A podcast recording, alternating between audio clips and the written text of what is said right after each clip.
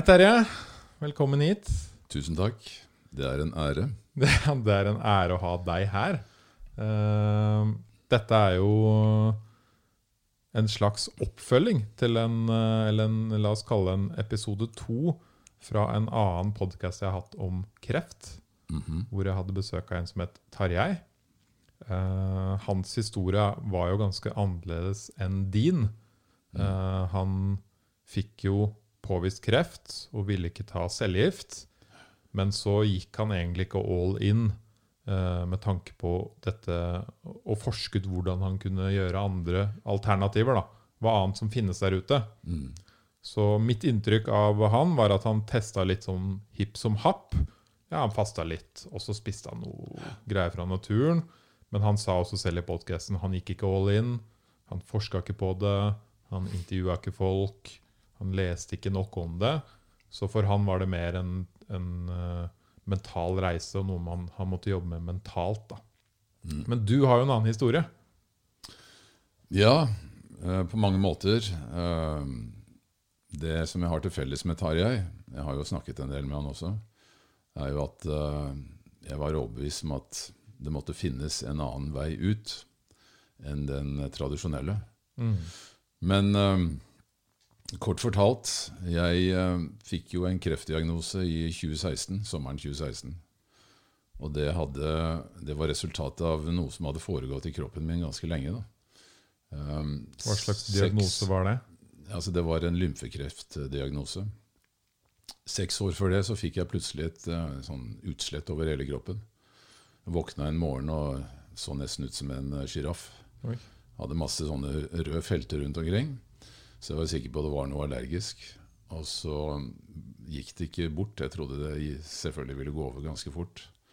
Men det ble bare verre og verre, så fikk jeg da en eh, diagnose på det som var sånn atopisk eksem. Og at jeg måtte smøre på masse kortisonkrem. da. Så jeg holdt på med det noen år, og så ble det aldri noe bedre. Um, etter hvert så fikk jeg da en ny diagnose på at det var sånn psoriasis. For da begynte det å flasse og klø, og det var, helt, eh, ja, det var ganske ille. da. Sånn rundt, spesielt rundt livet og på beina og, og på brystet og sånn. Så jeg holdt på å bale med det der lenge, men eh, jeg var jo en opptatt mann og hadde jo ikke tid til å være sjuk, så jeg egentlig bare prøvde å fortrenge hele greia veldig lenge.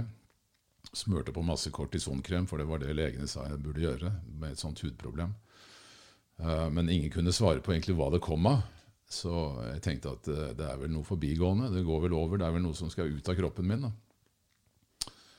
Eh, I 2016 så fikk jeg plutselig noen svære svulster som begynte å vokse ut fra noen av disse røde feltene som jeg hadde på, spesielt på baken og, og på låret.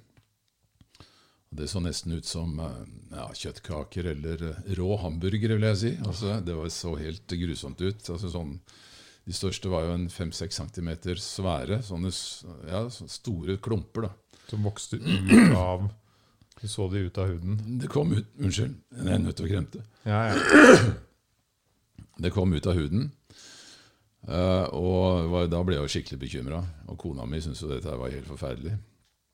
Så da tenkte jeg at ok, Terje, nå må du bare innse at det er et eller annet virkelig alvorlig på gang.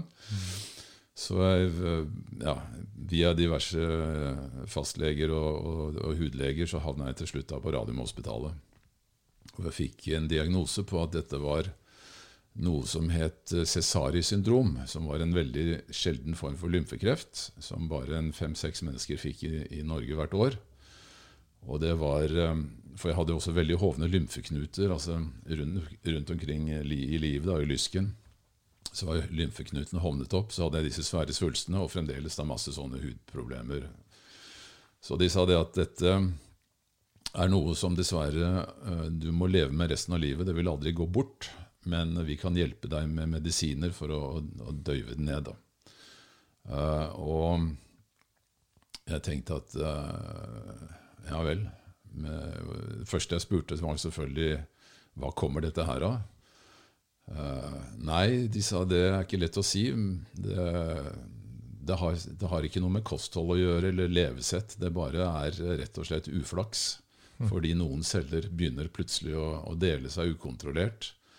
Og vi vet ikke hva som er årsaken, men eh, Men når du først har fått det, så, så vil du aldri bli kvitt det.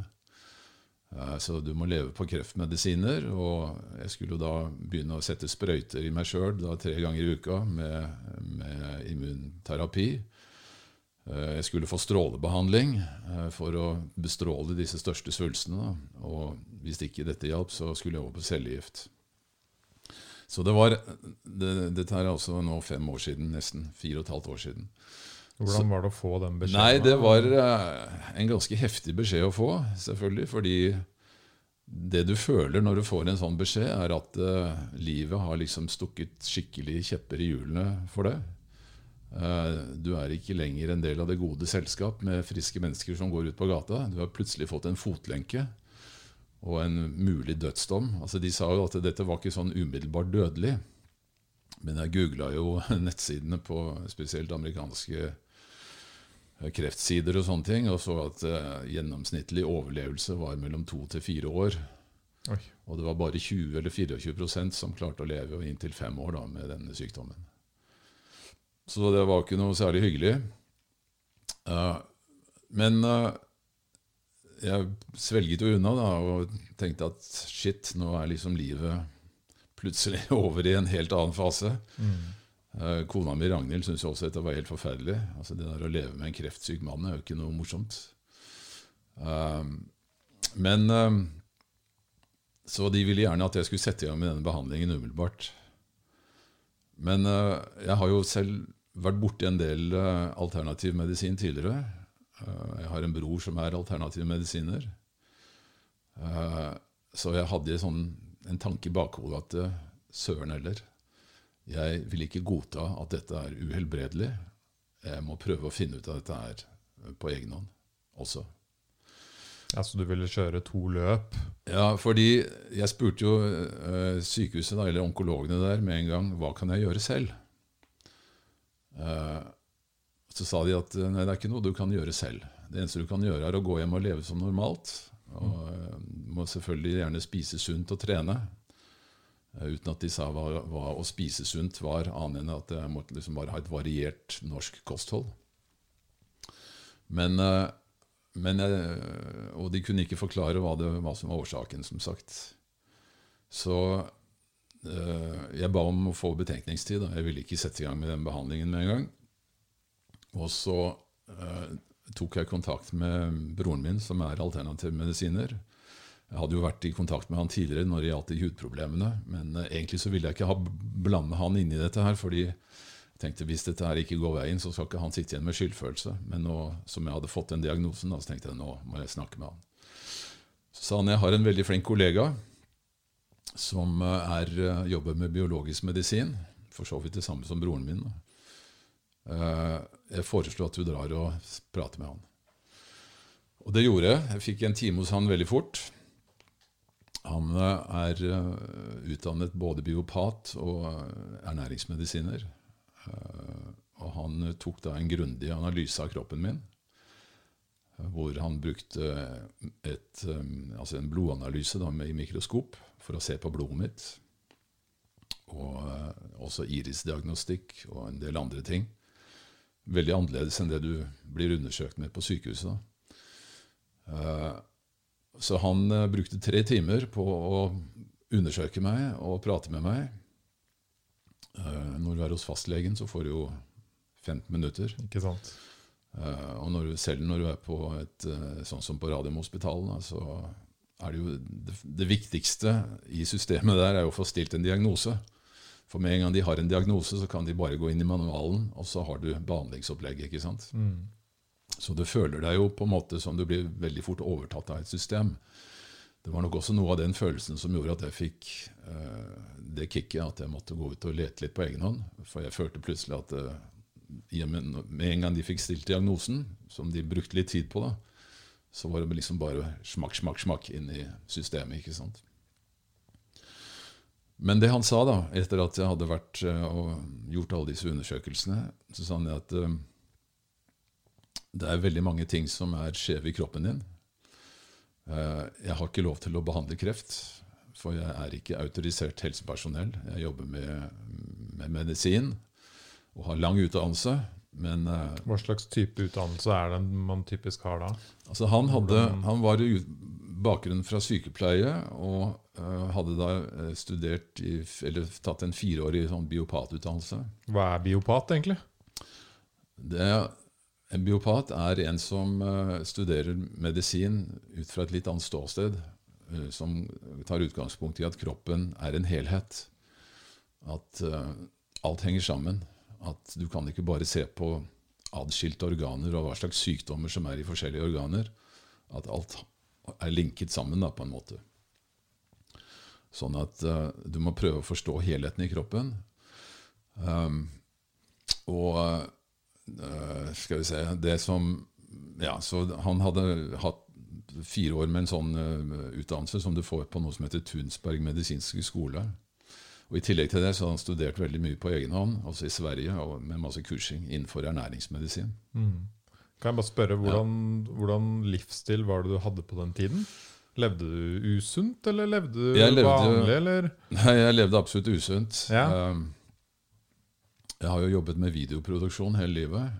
Og uh, drevet et, i 35 år et uh, eget firma med flere ansatte.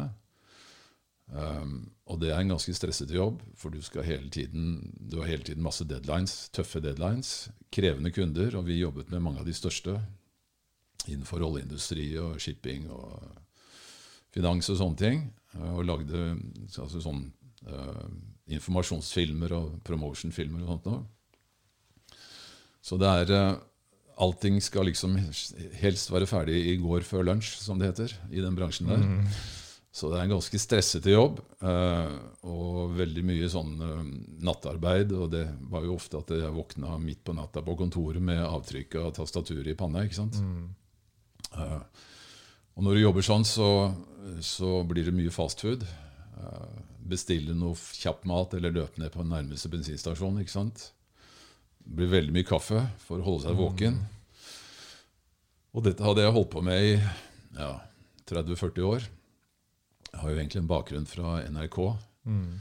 Jeg jobbet der i noen år før jeg begynte i den private mediebransjen. Men eh, det er en utrolig morsom jobb.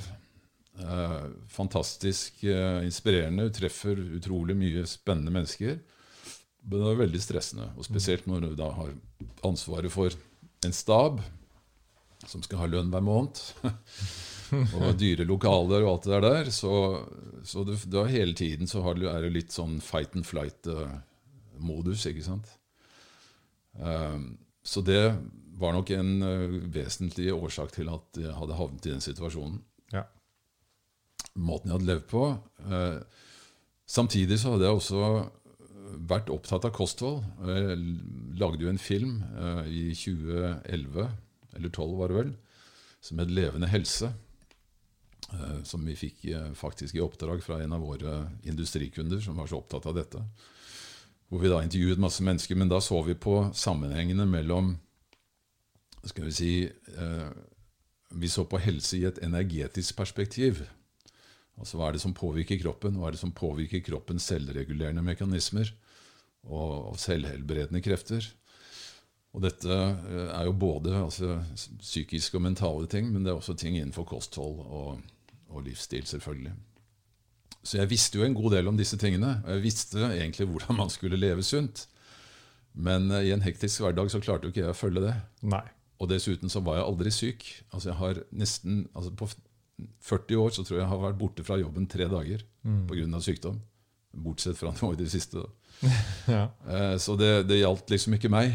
Eh, Jeg kunne fortelle og lære andre folk hvordan de skulle altså gjennom disse filmene hvordan de skulle leve for å leve sunt. Men eh, for min egen del så var det bare å kjøre på som jeg hadde holdt på med. ikke sant? Mm. Så det er rart. Sånn er jo vi mennesker. ja, det er jo eh, typisk. Du er ikke alene om det. stor, stor forskjell på teori og, og praksis. Mm. Men eh, nok om det. Uh, årsaken til at jeg hadde havnet i denne situasjonen, skjønte jeg etter hvert, var jo pga. måten jeg hadde levd på.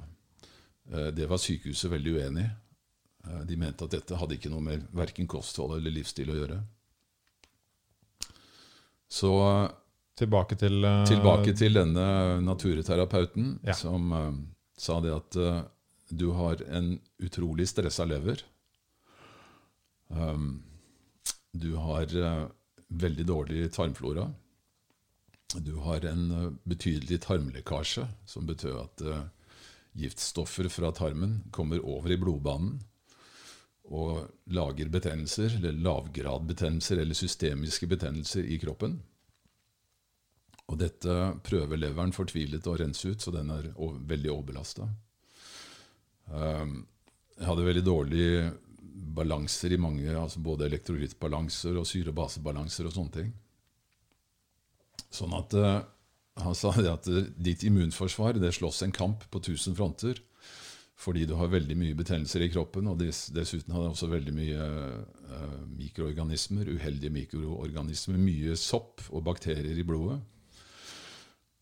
Så han sa at uh, du trenger å gjøre en innvendig storrengjøring hvis du skal klare å håndtere denne situasjonen på en bedre måte. Og som han sa også, jeg kan ikke uh, kurere kreften din, eller skal vi si uh, jobbe med kreften din direkte, men jeg kan jobbe med å, å bedre din allmenntilstand. Og så får vi se om kroppen da blir bedre i stand til å, å håndtere dette der. Ja, for det er jo en viktig ting ja. å si inn i alt det her. Uh, som han sa. Ja. Han er ikke noe kreftkurerer. Nei, altså, du vet uh, uh, Komplementærmedisin er jo har litt trange kår i Norge. Eller i, ja, i mange land, da, men spesielt i Norge. Hvor man har en lov som sier at hvis du skal Hvis du er kronisk syk eller har en alvorlig sykdom, så kan ikke en alternativ behandler begynne å jobbe med den sykdommen uten at både du og din lege er helt enige om det. Altså Legen din må gå god for at du kan bruke en alternativ behandler hvis du er kronisk syk. Så eh, alternative behandlere som, som, behandler folk som da ikke har tillad, fått tillatelse fra legen sin, de gjør da egentlig noe som strir mot loven. Ja, det er vel noe av det skumle inni der òg at det er jo alltid luringer. Uh, det er en myte, i hvert fall. Ja, ja, at det er alltid luringer. Det er klart, det finnes en del folk med tre weekendkurs i uh, alternativ medisin. Det er det jeg mener. Som uh, tror at de har skjønt det meste. men det er veldig få av de, altså. Ja. Men dessverre, som i de fleste andre si,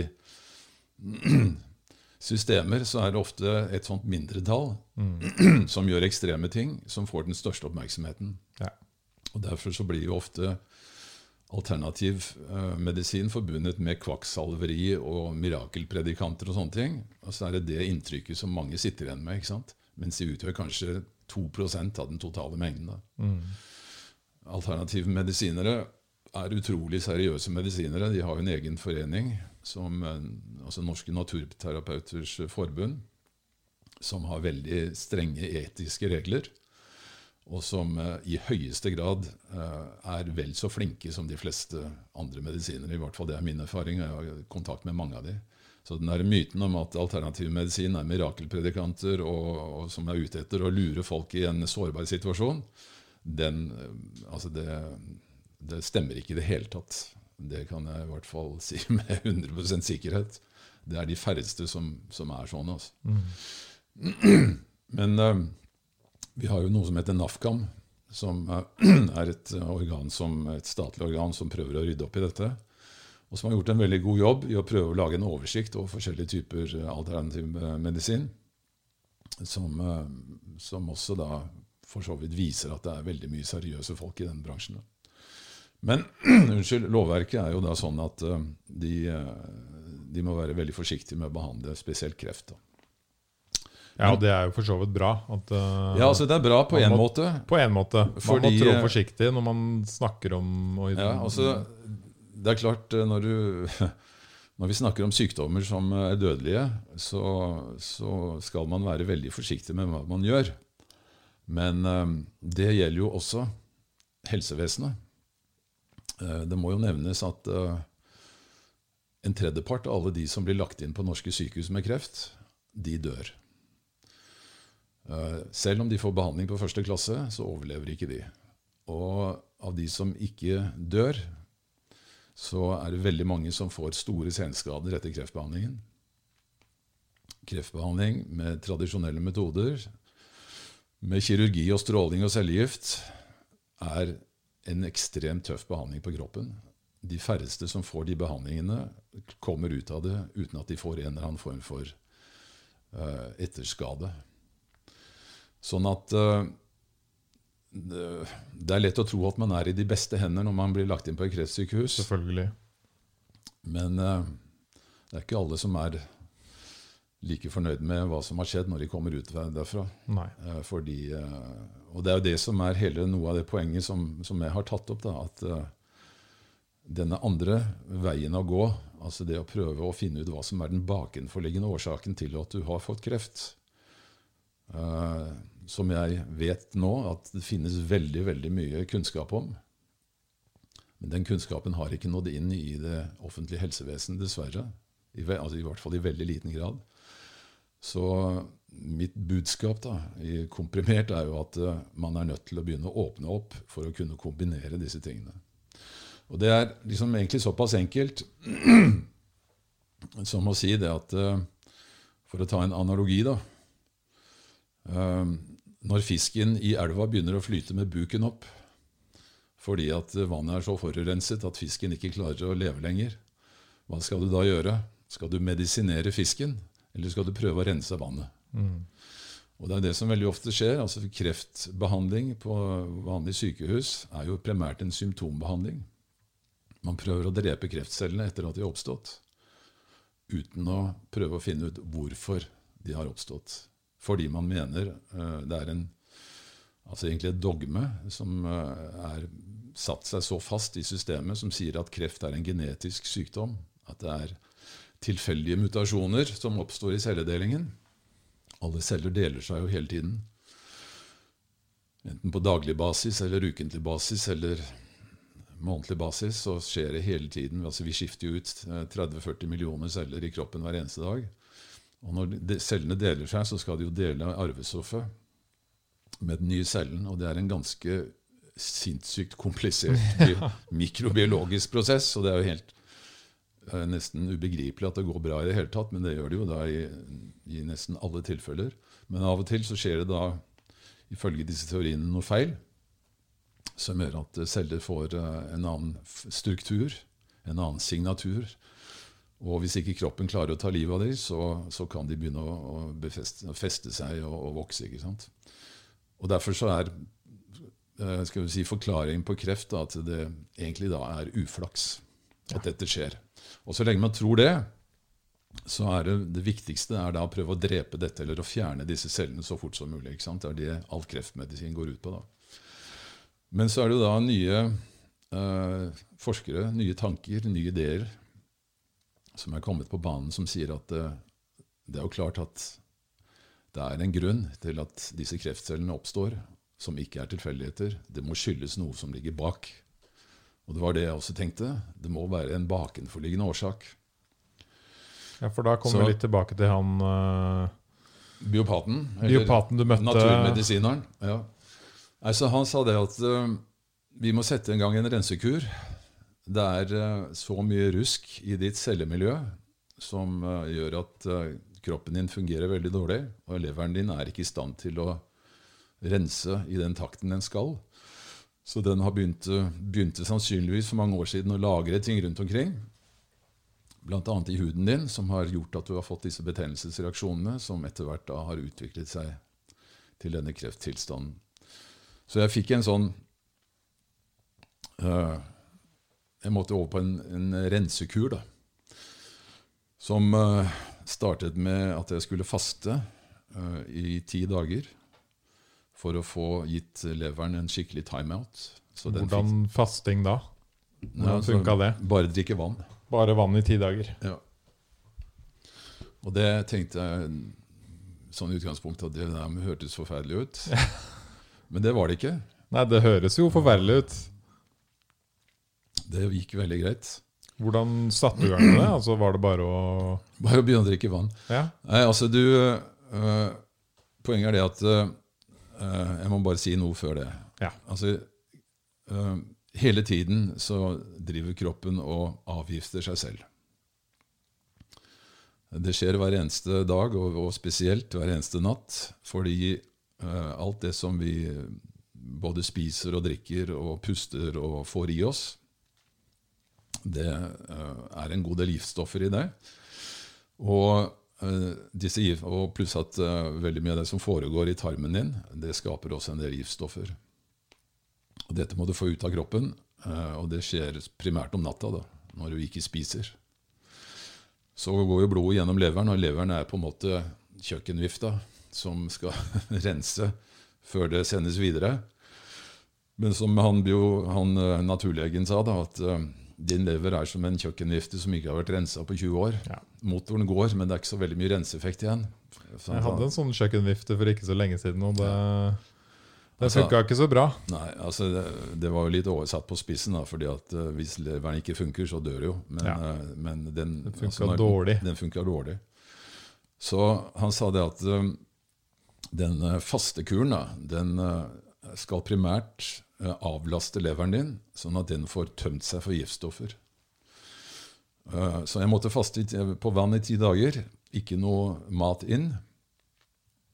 Og da eh, drakk jeg vann som var blandet med sånn eh, fiberhusk, som er et sånt stoff som du får kjøpt i alle butikker. Og Poenget med fiberhusken er at eh, det drar med seg ting ut av tarmen, altså ikke du får forstoppelse. Hvordan var de ti dagene? Det gikk veldig greit. Dette her var midt på sommeren, så jeg var på, på ferie på Sørlandet, på hytta vår der, sammen med storfamilien. Jeg drakk vann. De lagde hjemmelaget eh, pizza og Drakk øl. drakk øl og koste seg. Uh, men uh, jeg var veldig motivert, for jeg hadde jo kniven på strupen. Jeg visste at uh, Terje, hvis ikke du følger opp dette her, så, så, kan du bare parkere for godt. Men de, altså, de, to første dagene var verst, for da kom liksom denne sultfølelsen. Da. Men så gikk det over. Jeg var litt sånn svimete, på en måte.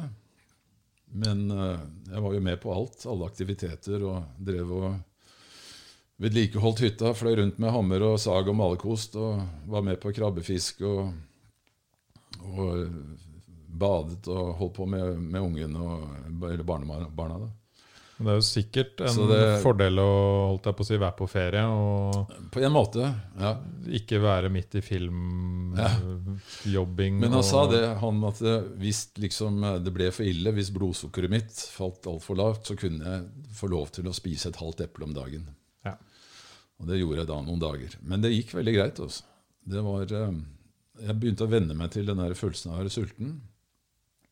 Og så tenkte jeg at istedenfor at jeg skal se på den følelsen som noe truende, så skal jeg heller se på det som noe legende.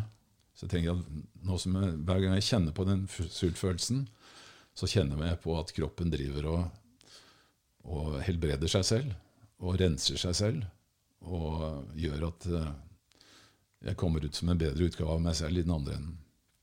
Og da var det for så vidt ganske greit. Mm.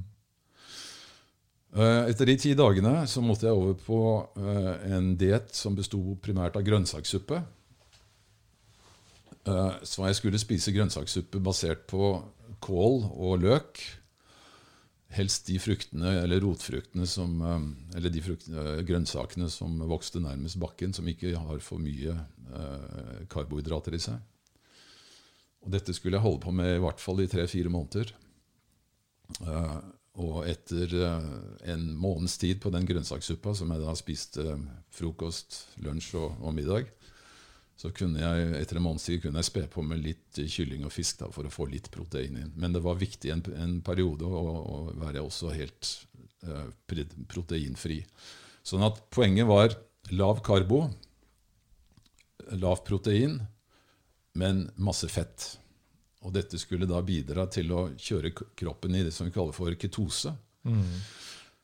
Um, og det hadde flere årsaker, eller flere hensikter. da. For det første så var jo det viktigste da å få renset ut uh, giftstoffer. Og i tillegg til, uh, til selve dietten, som da skulle bidra med dette, så fikk jeg også en god del kosttilskudd. Og, og ting som kunne rense ut tungmetaller og, og sånne ting. da. Zeolitt, eh, som brukes til å rense ut tungmetaller. Som er en, sånt, en knust lavaaske som binder seg til miner- mineraler. Da. Jeg hadde mye kvikksølv og aluminium i kroppen, kunne han fastslå.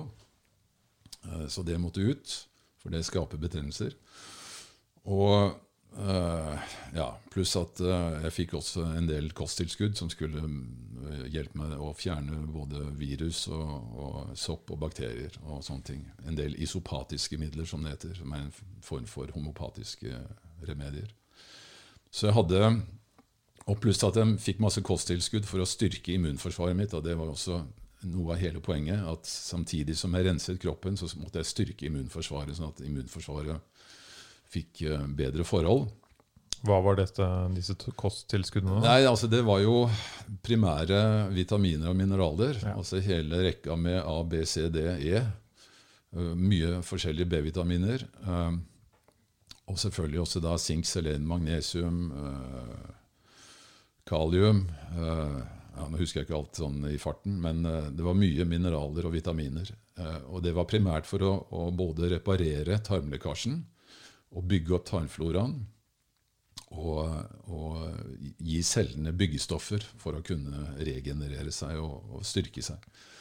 Og det som også var poenget med denne grønnsakssuppa, er det at uh, i, altså de fibrene som er i grønnsaker, uh, de uh, bruker tarmen til å lage bl.a. smørsyre, som er veldig viktig for tarmslimhinna og for, uh, for uh, immunsystemet i tarmen. Altså 80% av immunsystemet er sentrert rundt tarmen, viser forskning.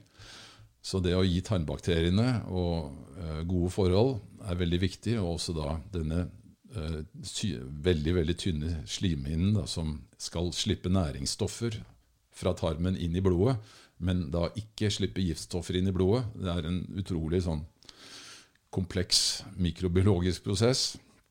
Hvis du har for mye uh, mat matintoleranser og, og, og betennelser i tarmen, så får du altså mikroskopiske hull i denne slimhinna som, som gjør at du får også giftstoffer ut i blodet, og som da skaper uh, problemer med giftstoffer rundt omkring og, og betennelser i resten av kroppen.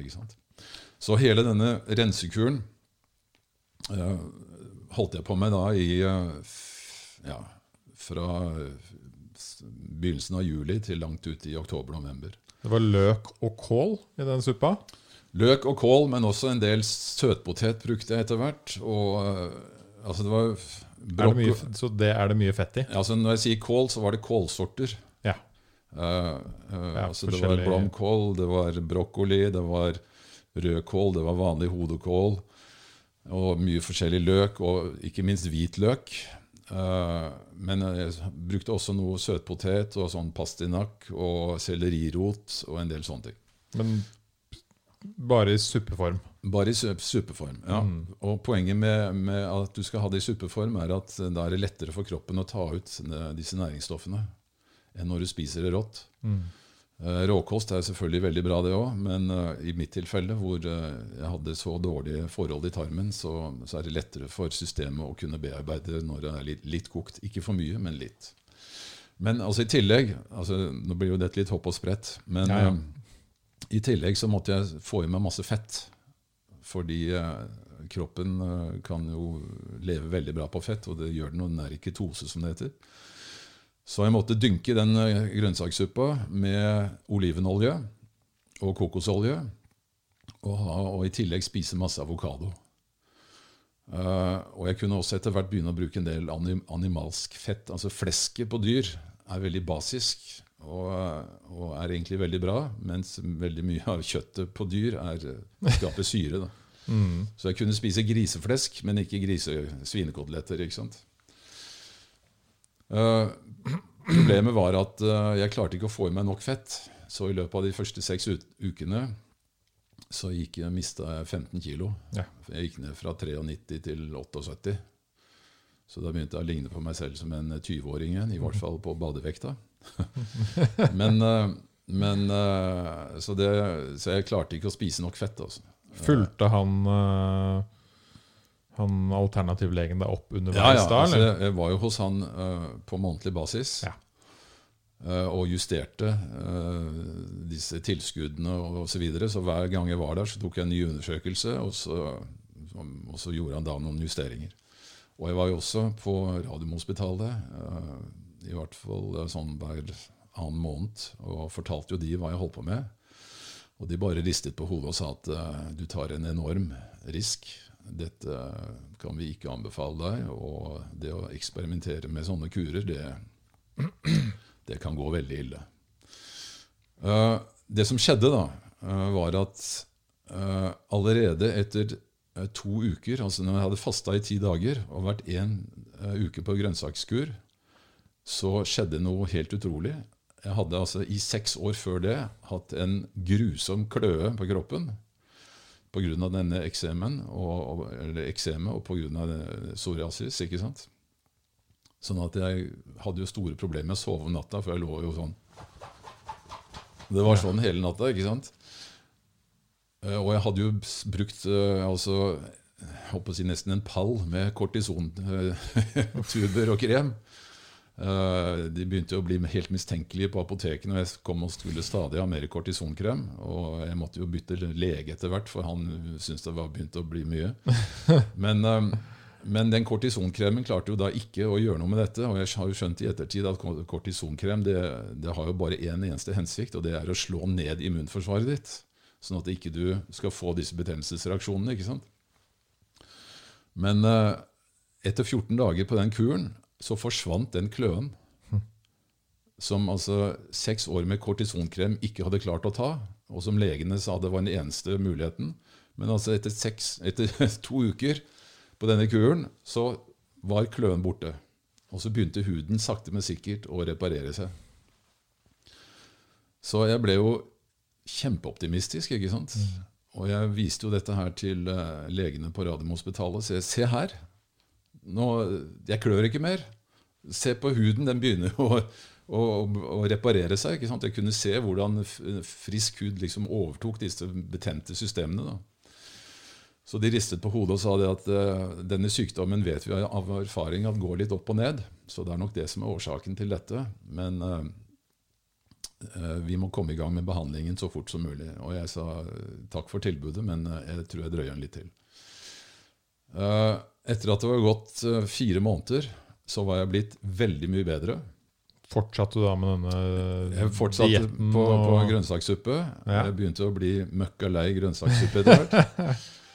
og olivenolje og alt dette her. Men jeg tenkte søren heller, Terje, jeg skal bli frisk. Ja. Jeg aksepterer ikke at dette her er uhelbredelig, at jeg skal leve på kreftmedisin resten av livet. Jeg skal bli frisk, og jeg vil leve. Så det var eh, Det gjentok jeg som et mantra om igjen og om igjen og om igjen. Og det var nok eh, en av hovedårsakene til at jeg klarte å kjøre dette såpass lenge. Ja, det tror jeg også ofte er grunnen til at man syns det er vanskelig å faste eller Ja. gå på sånne dietter. At man har liksom ikke den Så du må dype være motivert. motiv- motivasjonen og grunnen til det. Når du får kniven på, på strupen, sånn som jeg gjorde, så er det mye lettere. For alternativet er i hvert fall ikke noe fristende. Og det var heller ikke noe fristende å gå inn i et eh, regime med, med kreftmedisiner. Så eh, etter fire måneder så var jeg blitt veldig mye bedre, og disse svulstene som jeg hadde, som var store, de hadde begynt å krympe ganske mye. Og eh, de var fulle av sånn gul materie, altså døde celler, og lukta noe helt grusomt. Eh, jeg må jo si at altså, jeg jobbet jo fremdeles. Jeg hadde jo masse kunder som jeg måtte jobbe for. Jeg jo ikke, kunne jo ikke parkere jobben min liksom, fordi om jeg hadde disse problemene. Så det var ganske plagsomt, fordi jeg måtte jo plastre meg med, med altså Jeg brukte sånne vanlige babybleier som jeg teipa på huden Oi, hver morgen Såpass. for å prøve å, å skjule dette her, og for at det ikke skulle lukte. ikke sant? Hvor store var det? det Altså Disse svulstene, når de var på det største, da, så var de jo som eh, ja, altså De var jo i hvert fall en sånn 6-7 cm brede. altså Det så ut som en rett og slett en svær sånn en rå hamburger. En sånn 150 grams rå hamburger som noen hadde klaska på huden din. ikke sant? Så det så Jeg har noen bilder av det hvis du vil se etterpå, men det, det så Det var ja, Jeg skal ikke bruke banneord her, men det var, Det var jævlig. ikke, det var ikke lekkert. Det var ikke lekkert. Nei. Og, og etter hvert som, som immunsystemet mitt ble bedre og bedre, og begynte å gå løs på dette, så, så ble det altså forferdelig lukt. Og ja, jeg måtte jo skrape ut liksom masse sånn materie hver eneste morgen. ikke sant? Eh, Det var ikke bra. Men eh, Så kroppen begynte skikkelig å fighte Ja, så altså, og dytte ut det dritet du hadde Ja, altså, etter hvert som denne rensekuren funka bedre og bedre, så våkna kroppen og begynte å, å slåss tilbake. Det var helt tydelig. Og jeg så jo også da, som sagt, hvordan huden ble bedre og bedre på disse andre stedene, da, hvor jeg fremdeles hadde det, det eh, psoriasis. Så det som skjedde da etter fire måneder, var at jeg var blitt såpass god at uh, jeg begynte å skulke dietten. Ja. Jeg tenkte søren, Terje, dette går veien.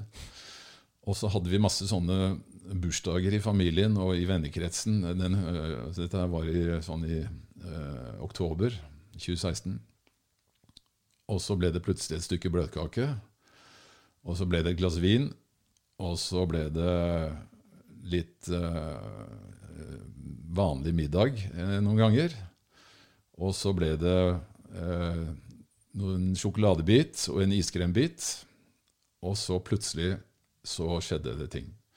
Jeg må skyte inn at egentlig så var jeg utrolig heldig som hadde mesteparten av denne sykdommen uh, utenpå kroppen, så jeg kunne se på det. For det som jeg så da, var at plutselig så begynte disse største svulstene å vokse igjen. Og det skjedde fort. Også. altså Bare på noen få dager. Altså Det var nesten som å se på en sånn esende bolledeig. Oi. Så altså når en kreftsvulst virkelig får eh, nok fuel i form av sukker, så kan den altså doble seg i størrelse på bare noen få dager. Det var, altså det, det var en vanvittig tempo i den celledelingen som foregikk inni de svulstene. Det er jo spennende det du sier da, med at du kunne på en måte Jeg følge det. med på ikke det. sant? Så da fikk jeg jo litt hetta. da. Tenkte pokker, hva er det som skjer nå? Eh, Etterpå så har jeg jo lært dette her om hva kreftceller lever av. eh, Og som forklarer hvordan de, hvorfor de plutselig begynte å vokse når jeg begynte å spise karbohydrater igjen. Altså kreftceller eh, For å ta et lite kapittel om det, da. Gjerne. Allerede for nesten 100 år siden så var det en fyr som het Otto Warburg, en tysk eh, forsker og lege, som oppdaget at alle kreftceller hadde en merkelig egenskap. og Det var at de hadde endret hele energiomsetningen.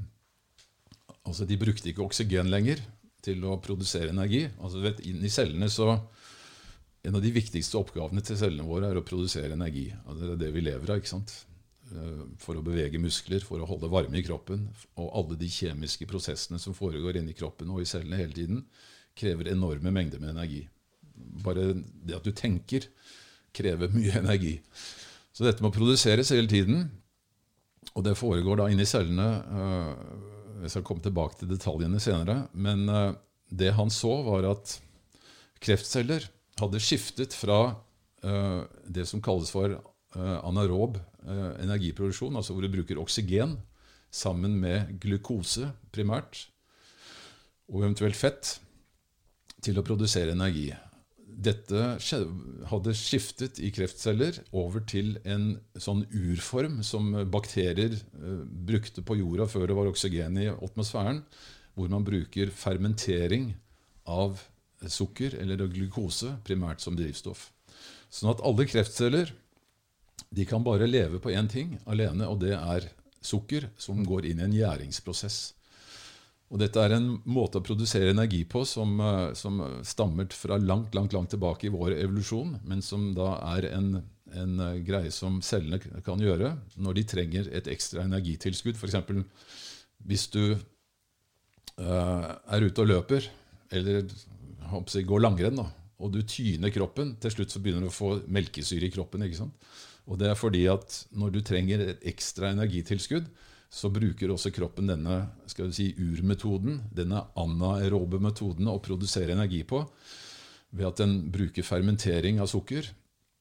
Men uh, biproduktet eh, der er altså uh, denne syra som kalles for melkesyre, og som da svir i musklene. ikke sant?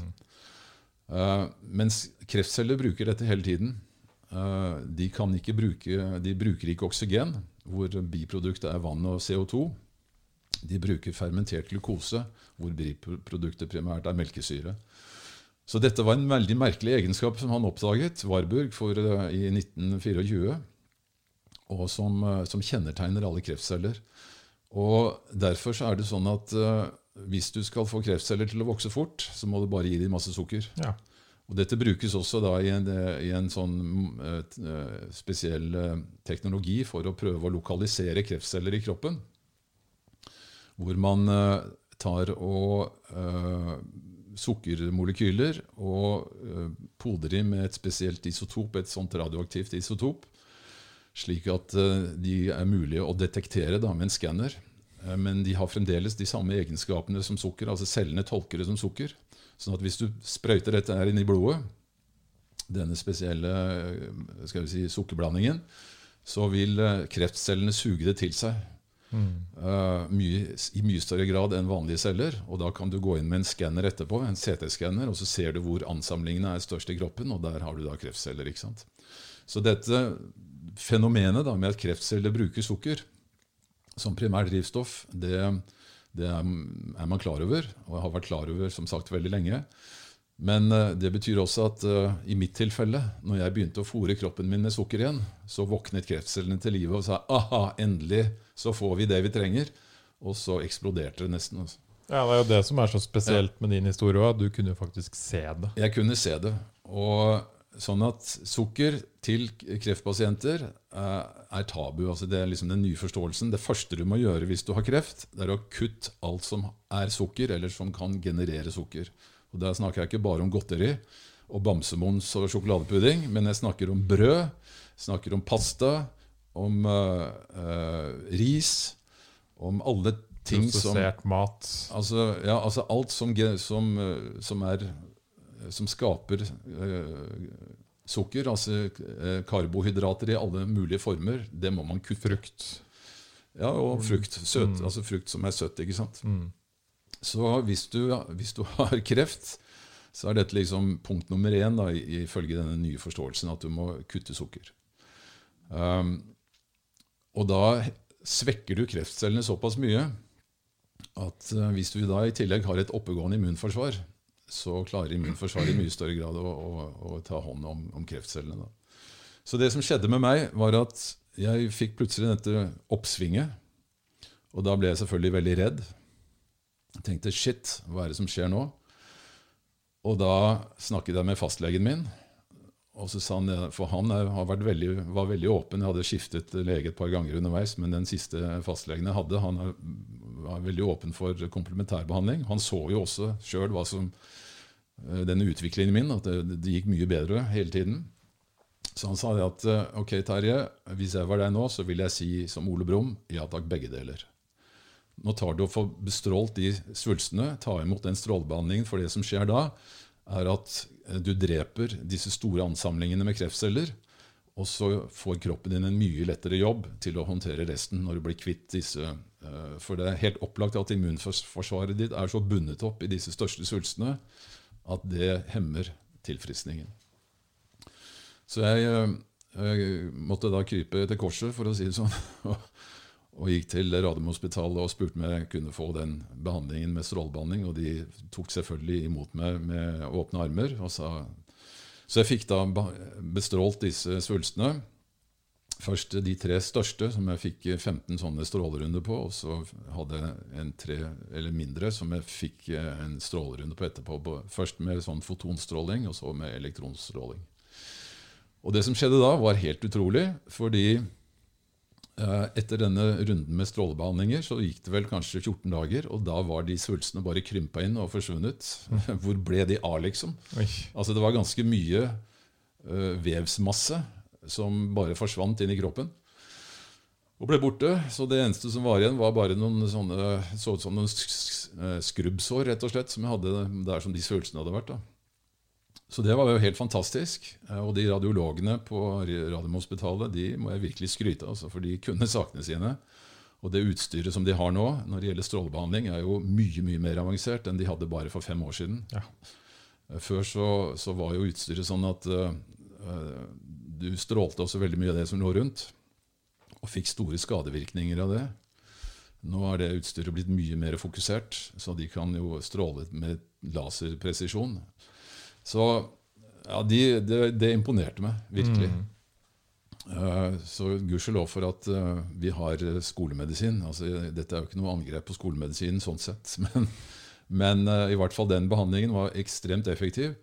Men så skjedde da det som nesten var et mirakel etterpå. Fordi når de svulstene var borte, så, og jeg hadde da i fire måneder eller fem måneder som det nå var blitt, jobbet med å få reparert kroppen og få renset kroppen og styrket immunforsvaret. Så bare i løpet av altså fire-fem ukers tid så var, forsvant alt. Wow. All resten, all kreften ble borte. Alle lymfeknutene gikk tilbake til normal størrelse. Og all, som, alt som var av psoriasis og eksem, forsvant. Og jeg var tilbake og så ut som jeg hadde gjort det 20 år tidligere. Ikke, ikke, et merke på kroppen. I dag så kan du bare se noen bitte små arr der som jeg hadde disse svulstene. Alt ble borte. Og jeg er da like frisk som en fisk, holdt jeg på å si, som jeg har vært nå de et, etter dette. For en utrolig historie, så, da.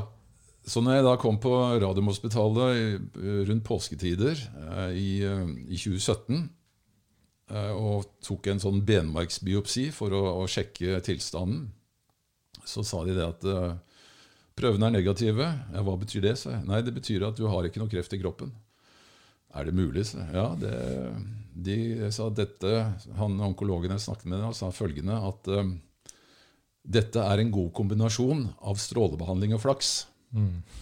Så sa jeg at uh, jeg må tillate meg å være uenig dette er en god kombinasjon av strålebehandling og min egen rensekur. Kur.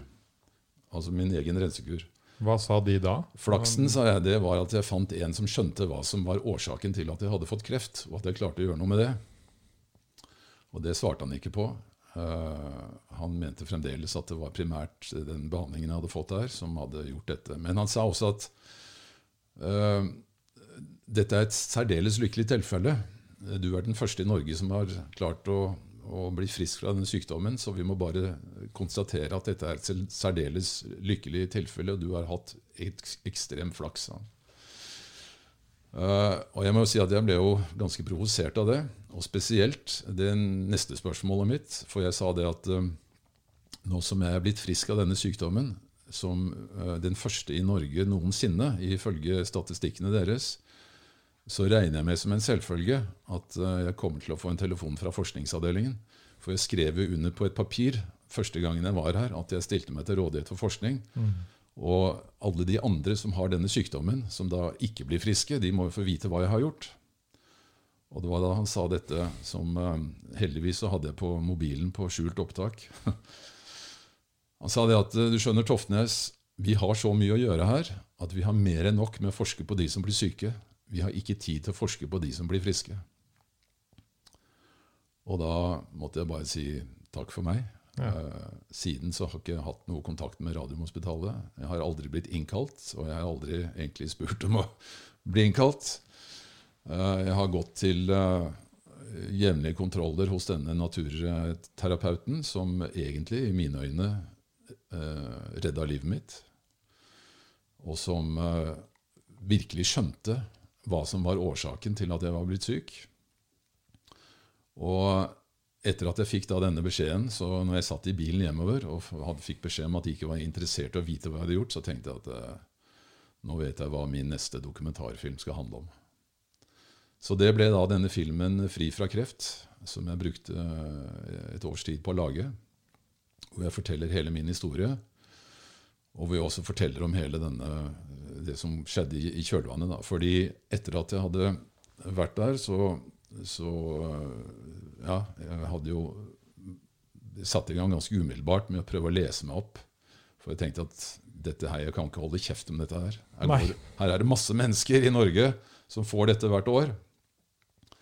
Og jeg leste jo på amerikanske kreftsider, og det var masse mennesker der borte også. altså Den eneste behandlingen som de kunne tilby der, som kunne ha en, komplett, altså en eh, legende effekt, det var stamcelletransplantasjon. Men det er ekstremt risikabelt. Veldig mange dør av det.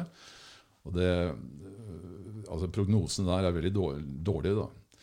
Men jeg tenkte altså, hvis du kan reparere kroppen med faste og grønnsakssuppe og noe kosttilskudd istedenfor, som til sammen hadde kostet meg kanskje med utgiftene til øh, denne helbrederen min, så hadde jeg altså totalt en, noen utgifter på et sted mellom 15 000 og 20 000 kroner. Kan jo nevne at en cellegiftkur koster opp mot en million. Uh, ja, I hvert fall uh, en god del 100 000.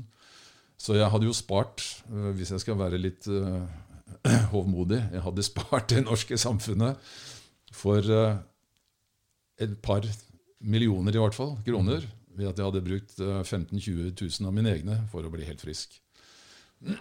Og jeg syns jo ikke det kan gå helt upåaktet hen. da. Nei, ja, det virker jo for meg som øh, Det du testa, det var på en måte ikke noe farlig. Nå spørs det jo sikkert hvor langt kreften har kommet, og hvor dårlig Ja, tid man altså det- har, og hvor utbredt det er i kroppen. Du har et poeng der. Fordi jeg fikk jo også beskjed på sykehuset at eh, kreften min den var ikke aggressiv i den form at eh, den eh, var livstruende sånn umiddelbart. Så det var jo også en av årsakene til at jeg turte ta sjansen da, på å satse så mye på den andre behandlingen. Ja, for det var jo det du sa. Du leste i hvert fall at uh, Ja. du hadde fire-fem år. Ja, så, og, så det er jo eh, Altså, jeg kan jo si at jeg har jo vært nå rundt omkring i verden og snakket med kreftleger og, og kreftforskere. Og annet på unnskyld, et um, veldig kjent kreftsykehus i Sveits, uh, som altså Paracelsus-klinikken som, uh, som drives, eller i hvert fall ble drevet da jeg var der nå for, uh, for et par år siden, av en, eh, en fantastisk lege som heter Thomas Rau.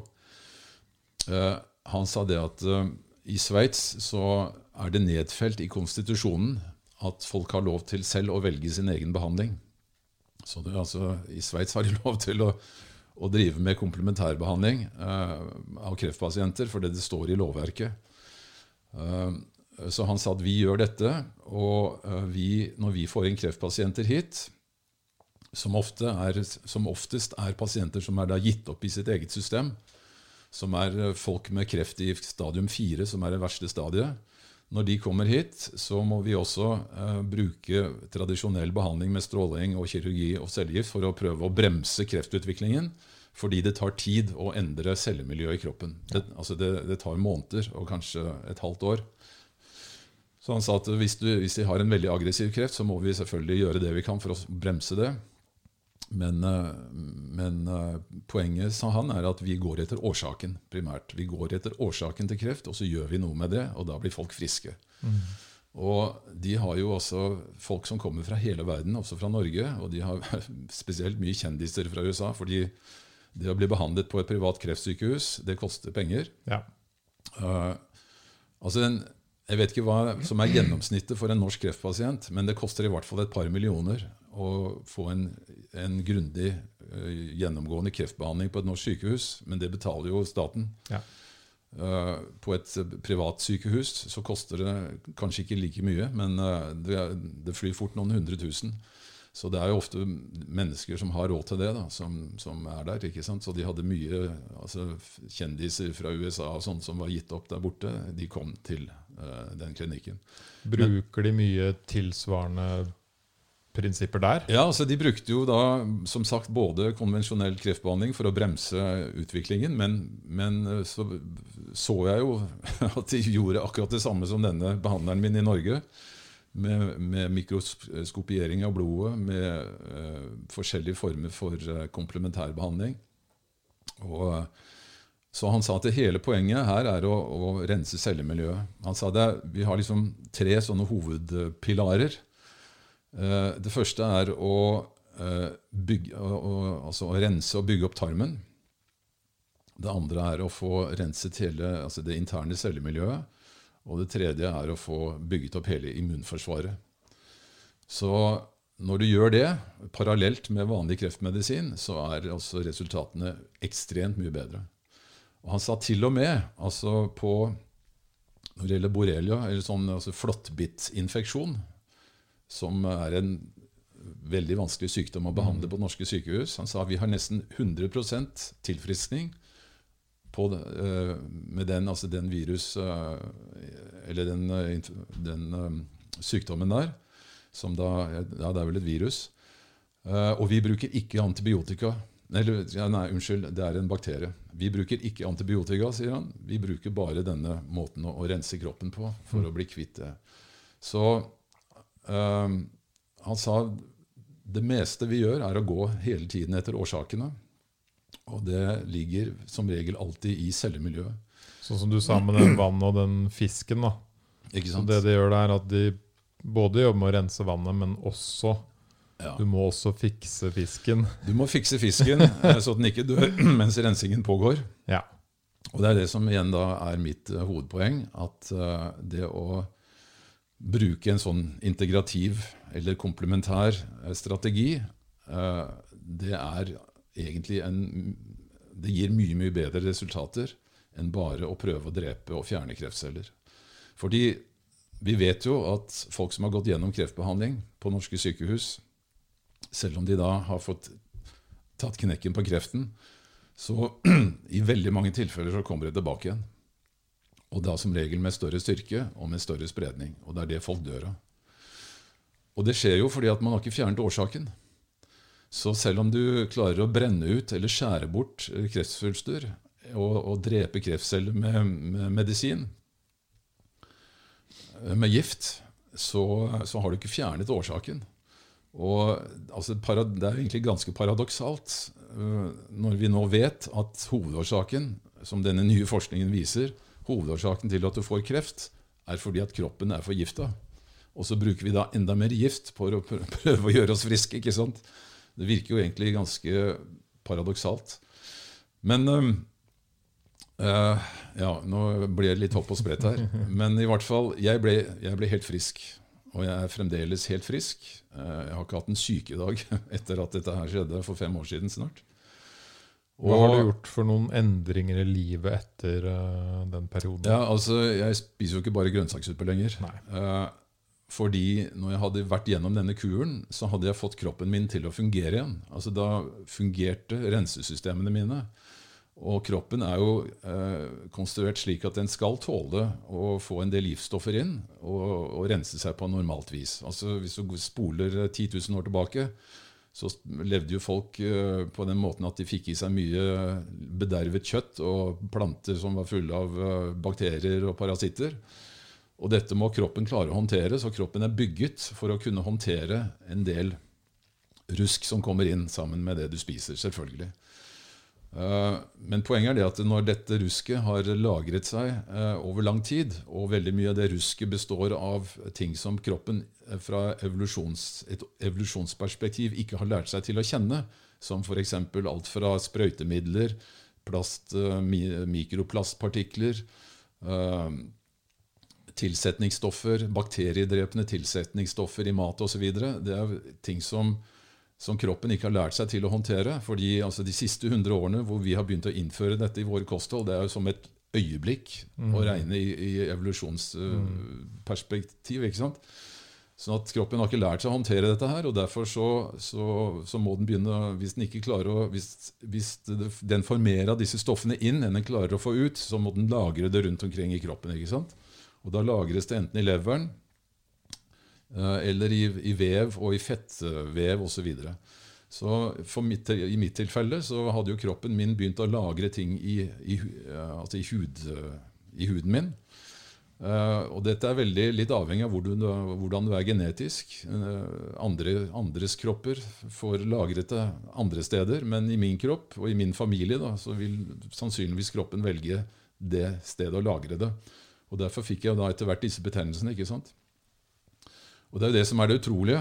eh, at i tillegg til at jeg ble kvitt kreften, så ble jeg også kvitt psoriasis. Mm.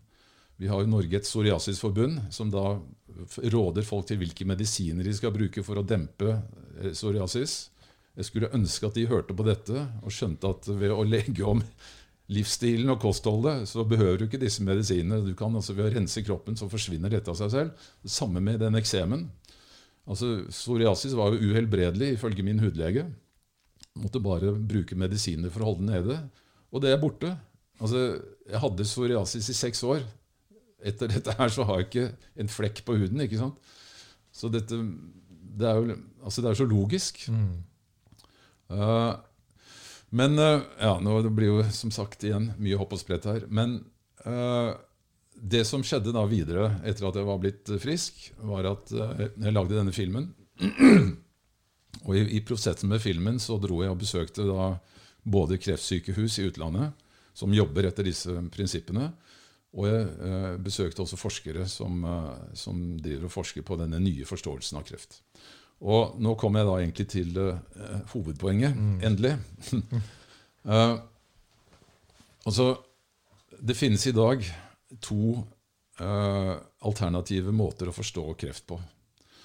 Den ene, som heter uh, den somatiske mutasjonsteorien, også kalt den genetiske modellen, den skriver seg fra den oppfatningen av, som jeg har nevnt tidligere, at kroppen, kroppens celler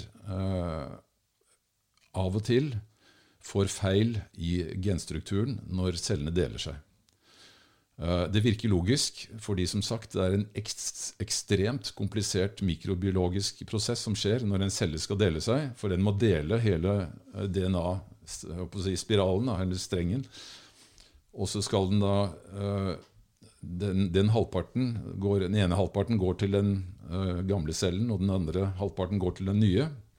Og så skal den nye cellen da vokse ut det som er blitt igjen i den gamle, for å få en hel DNA-spiral igjen. ikke sant?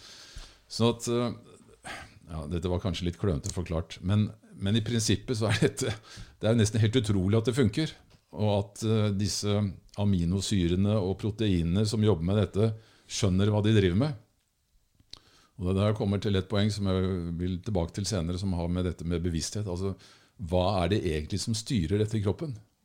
Er det liksom bare kjemiske eh, signaler som ordner opp i dette på egen hånd? Altså, Hvordan vet de hva de skal gjøre? Hvordan vet de når de skal gjøre det? hvordan vet de når de skal stoppe, når de er ferdig? Alt dette her er jo spørsmål som vitenskapen ikke kan svare på foreløpig. For dette var den ene måten vi ja, altså, tror ja. det funker på i dag?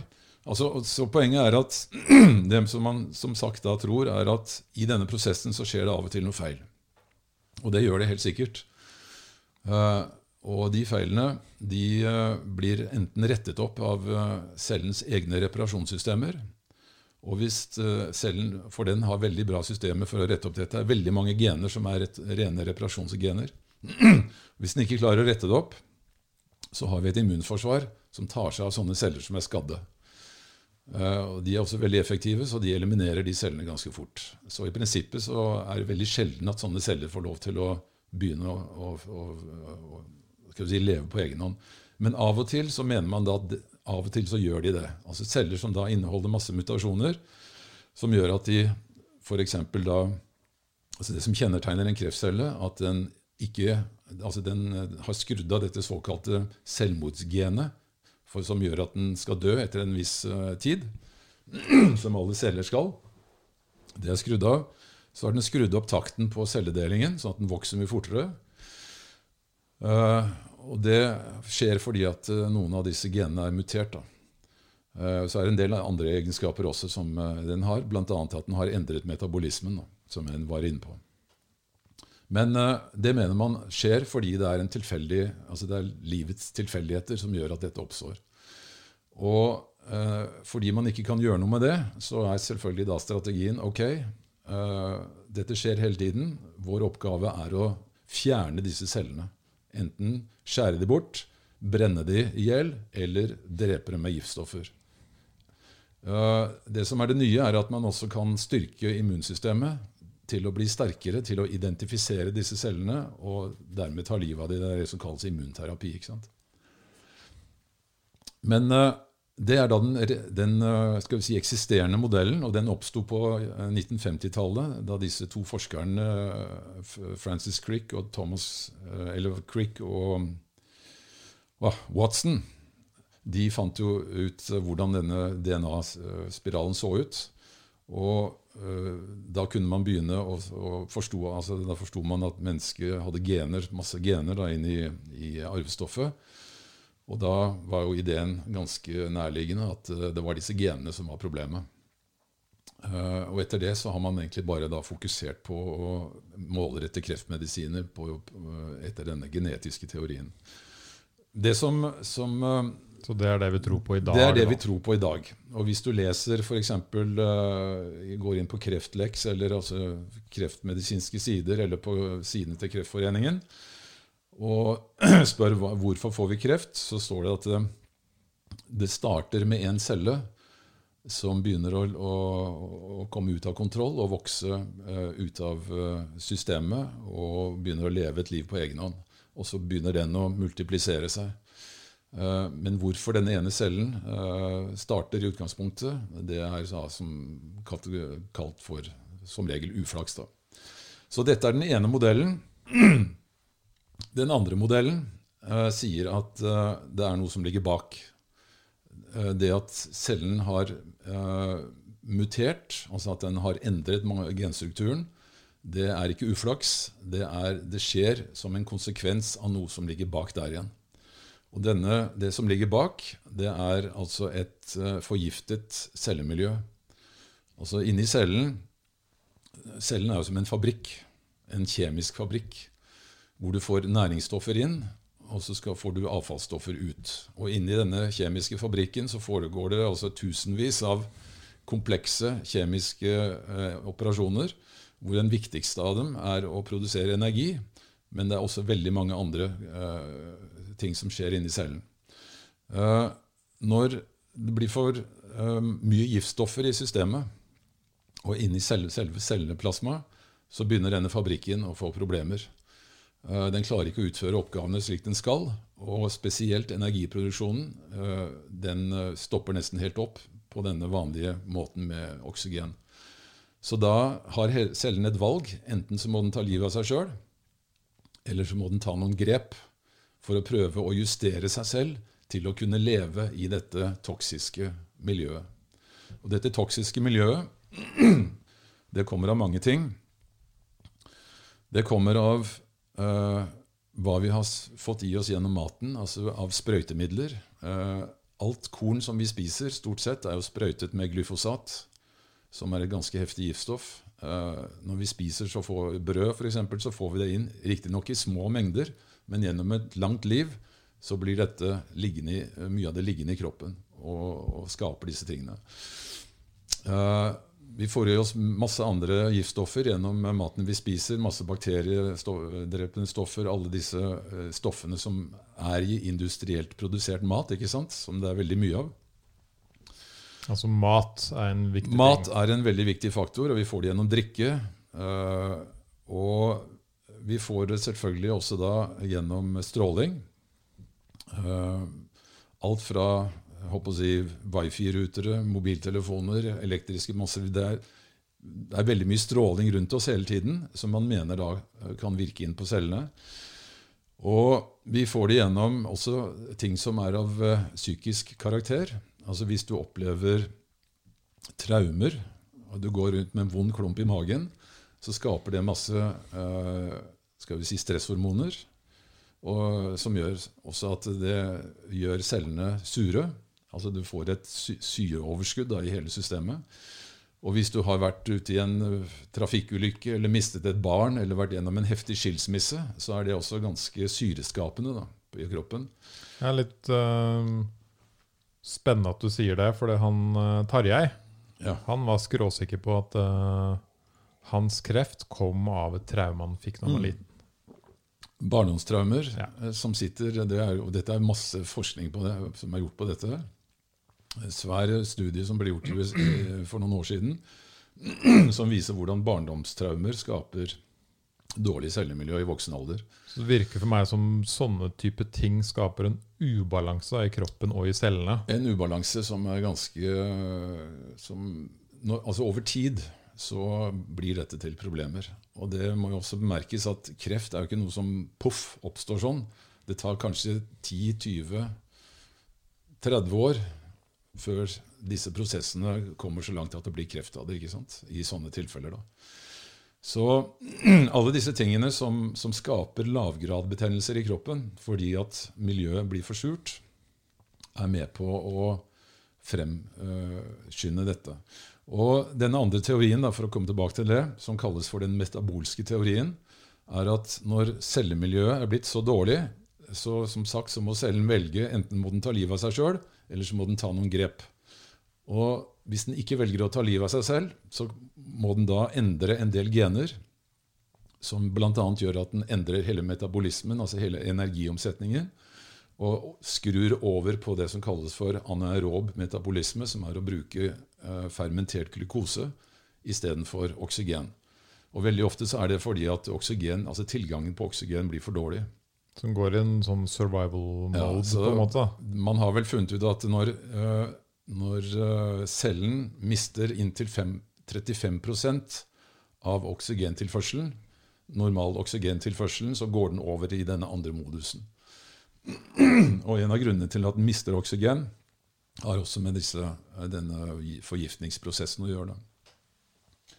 Sånn at når cellen da går over i survival-modus, så må konvertere den hele metabolismen og en god del andre prosesser som gjør at uh, man kan lese det av i en skanner og se at det her er mutasjoner ute og går. Så det den nye forståelsen sier, at mutasjonene er ikke årsaken, det er en sekundær effekt. Og Det interessante var jo da man uh, i 2006, etter at de hadde gjort svære dette svære prosjektet som kalles for eh, The Human Genome Project, hvor de hadde kartlagt alle genene til menneskene. Det skjedde jo da i, eh, i en enorm sånn forskningsinnsats som, skjedde, som ble starta i 96, tror jeg det var, og gikk fram til 2003. Hvor de klarte å kartlegge alle 20 000 genene og to millioner basepar.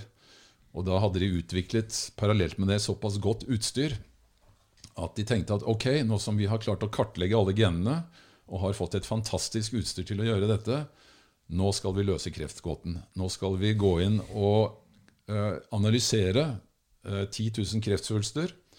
Og så skal vi finne ut hvilke type gener som hører til hvilke type kreft. Og når vi har funnet det, så kan vi lage medisiner som klarer å uh, manipulere disse genene slik at det ikke blir kreft av det. ikke sant? Logikken var jo særdeles overbevisende, og forventningene var Høres jo bra veldig høye. Mm. Så dette prosjektet ble satt i gang bl.a. av uh, han, uh, Thomas Watson, eller ja, jeg vet ikke om han er Thomas, men i hvert fall Head Watson, han som hadde også da ledet dette DNA, uh, denne DNA-oppdagelsen på 50-tallet. Han var leder for dette sammen med en som het Fogelstein. Og de satte i gang, og, og, etter noen år, etter at de hadde da analysert tusenvis av kreftsvulster, så kom da endelig konklusjonen som alle ventet på. Alle legemiddelselskapene sto liksom i startgropa på å begynne å lage målrettede kreftmedisiner. Og det som var resultatet, var at de sa nå har vi analysert alle disse mutasjonene, og vi kan beskrive resultatet med et eneste ord, og det er kaos. Mm. Komplett kaos. Altså, For samme type kreft så var det veldig ulike mutasjoner i forskjellige menneskekropper. Til og med i samme kreftsvulst så var det ekstremt forskjellige typer mutasjoner i kreftcellene. Det var et virvar, helt fullstendig kaotisk, og det virket som, som de konkluderte med, at uh, det vil være ekstremt vanskelig å skreddersy medisin til hundrevis av forskjellige mutasjoner i samme type kreft. Uh, det vil være nesten en umulig oppgave. Så bortsett fra noen få typer kreft, eh, som da hadde veldig få mutasjoner, som man nå har klart å kartlegge, eh, så hadde de fleste krefttyper ekstremt mange forskjellige mutasjoner. Disse få krefttypene de, eh, de, har man klart å lage medisiner for. Og etter hvert så har man klart å lage noen flere medisiner for enkelte krefttyper. Men i det store og det hele så er altså dette nesten en helt uoverkommelig oppgave å ja. klare å lage medisiner som skal som, altså For hver eneste person er forskjellig. ikke sant? Alle må ha helt spesielle typer medisiner. Og som sagt, i samme kreftsvulst så har du altså forskjellige typer mutasjoner. Og Det er ikke bare snakk om én mutasjon, men det kan være snakk om kanskje 100 mutasjoner eller enda flere av gener. ikke sant? Så det styrket jo eh, denne teorien til disse andre, da, eh, som sa det at eh, ja, der kan dere se, det er ikke mutasjonene som er den direkte årsaken. Det er bare noe cellene gjør for å prøve å tilpasse seg dette spesielle miljøet, som er unikt i hver eneste kropp. ikke sant? Hvis du har et cellemiljø i ja, et eller annet sted i kroppen som er blitt betent pga. for mye uh, syredannelse og giftstoffer, så uh, vil cellene i det miljøet for å overleve da måtte gjøre helt spesielle justeringer for å klare å, å, å berge livet. Og, da, da, da, vil ikke det være akkurat det samme som i en annen som har samme type kreft. ikke sant? Nei, det... Om, fordi alle disse kreftkategoriene er jo bare store sekkeposter. Altså lymfekreft mm. eller prostatakreft eller uh, tykktarmskreft. Det er en enorm sekkepost som inneholder altså sikkert titusenvis av forskjellige typer kreft, og som er forskjellige altså, hos hvert eneste menneske. ikke sant? Ja, Når man tenker over det, så høres jo det også logisk ut. Du og jeg er jo forskjellige mennesker. Mm. Og vi har hvor mange 80 millioner celler, eller uh, Vi har 40 000 milliarder 40 000 altså, milliarder ja. celler. Ja. Og vi spiser forskjellig, vi lever forskjellige steder. Vi har forskjellig genetisk uh, utgangspunkt. Vi har Nettopp. fått med oss forskjellige bakterier helt fra starten av. ikke sant? At vår kreft skulle da være lik, hmm. det sier seg nesten litt at det ikke er det.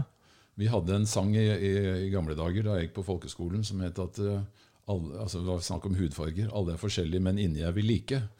Men det stemmer faktisk ikke. Inni er vi faktisk ganske forskjellige. Selv om vi har de samme delene eller organene, og, og sånn, så er vi veldig forskjellige når det kommer ned på cellenivå. Altså. Um, men i hvert fall dette, uh, denne nye modellen, da, som heter den metabolske uh, kreftmodellen, den uh, ble initiert opprinnelig av denne tyske forskeren som nevnte, Otto Warburg. Mm. Han skjønte ikke hele bildet den gangen.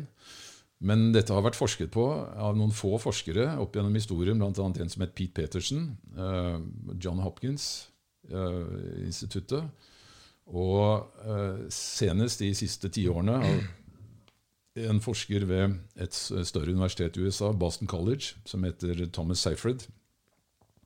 Eller Seyfried er vel egentlig hans korrekte uttalelse. Han har tatt tak i dette og kom i 2012 ut med en eh, bok uh, på 500 sider med, stappet med, med, med, forskningsrapporter og analyser, som heter uh, 'Cancer as a Metabolic Disease'. Hvor han helt klart sier at det er umulig å tro på denne genetiske teorien når du ser hva som egentlig skjer på molekylært nivå inni cellene. Så han sier at vi er nødt til å parkere den teorien. Den er basert på et dogme, for den har heller aldri vært bevist. Vi må se på kreft som, en, eh, som forårsaket av det miljøet som er i cellene. Og ut fra det så kan vi også da begynne å lage en helt en hel eh, si, ny type behandling. Og Det er det som er så utrolig spennende. Så jeg var jo intervjuet han. da, på universitetet der eh, i to timer. Et helt fantastisk intervju som eh, jeg har eh, utdrag av i denne filmen min. Og som jeg også da har nesten i sin helhet i denne boken som jeg nå skriver. Når du hører på Tom, Thomas Seafried og hans forklaringer så han kan, altså han, han kan forklare i detalj hvordan stråling blir til kreft. Hvordan virus blir til kreft. Hvordan dårlig kosthold blir til kreft hvordan eh, mange forskjellige typer karsinogener, altså kreftfremkallende stoffer, blir til kreft. Ved å, å, vise til hvordan dette påvirker mitokondriene spesielt, altså disse små kraftstasjonene som vi har inni cellene. Uh, ja, kanskje jeg skal ta et lite kapittel om det. Inni hver celle så har vi disse små kraftstasjonene som da kalles mitokondrier. I hver celle er det fra et hundretalls til et par tusen av de. Og de uh, produserer energi eller de produserer et molekyl som kalles for ATP, som er en forkortelse for et veldig langt, uh, vanskelig navn som jeg ikke klarer å uttale. Uh, men det, disse energimolekylene, som er en slags valuta, brukes da rundt omkring i de forskjellige uh, organellene som det heter, inni cellene, ikke sant? til å gjøre forskjellige typer kjemiske oppgaver. mitokondriene de eh, har et eget DNA. Og det som denne nye forskningen viser, er at disse mitokondriene sannsynligvis er de som styrer mye av det som foregår inni cellen. Fordi DNA-et, altså denne, disse genene som er inni cellekjernen, er som Seafrid sier, de er betraktet som en app. Altså Her har du 20 000 forskjellige funksjoner som koblet sammen i forskjellige typer måter kan utføre forskjellige oppgaver. Men de tenker ikke selv. Det er nesten som bare en slags arkitekttegning. Så de trenger noe som kan eh, sette i gang disse prosessene. Og det skjer veldig ofte med signaler fra mitokondriene. Uh, mitokondriene har sitt eget DNA. De har sitt eget uh, DNA som da bare går i arv fra uh, mor. sånn at Hvis du skal drive med sånn slektsforskning, så er det, hvis du analyserer DNA i mitokondriene, så er det mye lettere å spore seg tilbake i, i slektsledd. Det er en, en bieffekt av dette. her da. Men mitokondriene virker som det er der veldig mye av intelligensen sitter, da, inni cellen. Uh, og Man mener jo også at mitokondrien egentlig er en urbakterie som på et tidspunkt for 2,5 milliard år siden invaderte en annen, selv, uh, en annen bakterie og ble enige om å samarbeide. Mm. Og Ut fra dette samarbeidet med disse to bakteriene, hvor den ene levde i den andre, så begynte man å kunne bygge flercellede kulturer. da. Og etter hvert som det kom oksygen i atmosfæren, så begynte mitokondriene å kunne bruke oksygen til å produsere energi. Vel, det blir mange sidesprang her. Men uh, i hvert fall, som Tom Seafred sier, at uh, i alle kreftceller så er det også dysfunksjonell respirasjon i mitokondriene. Når uh, giftstoffene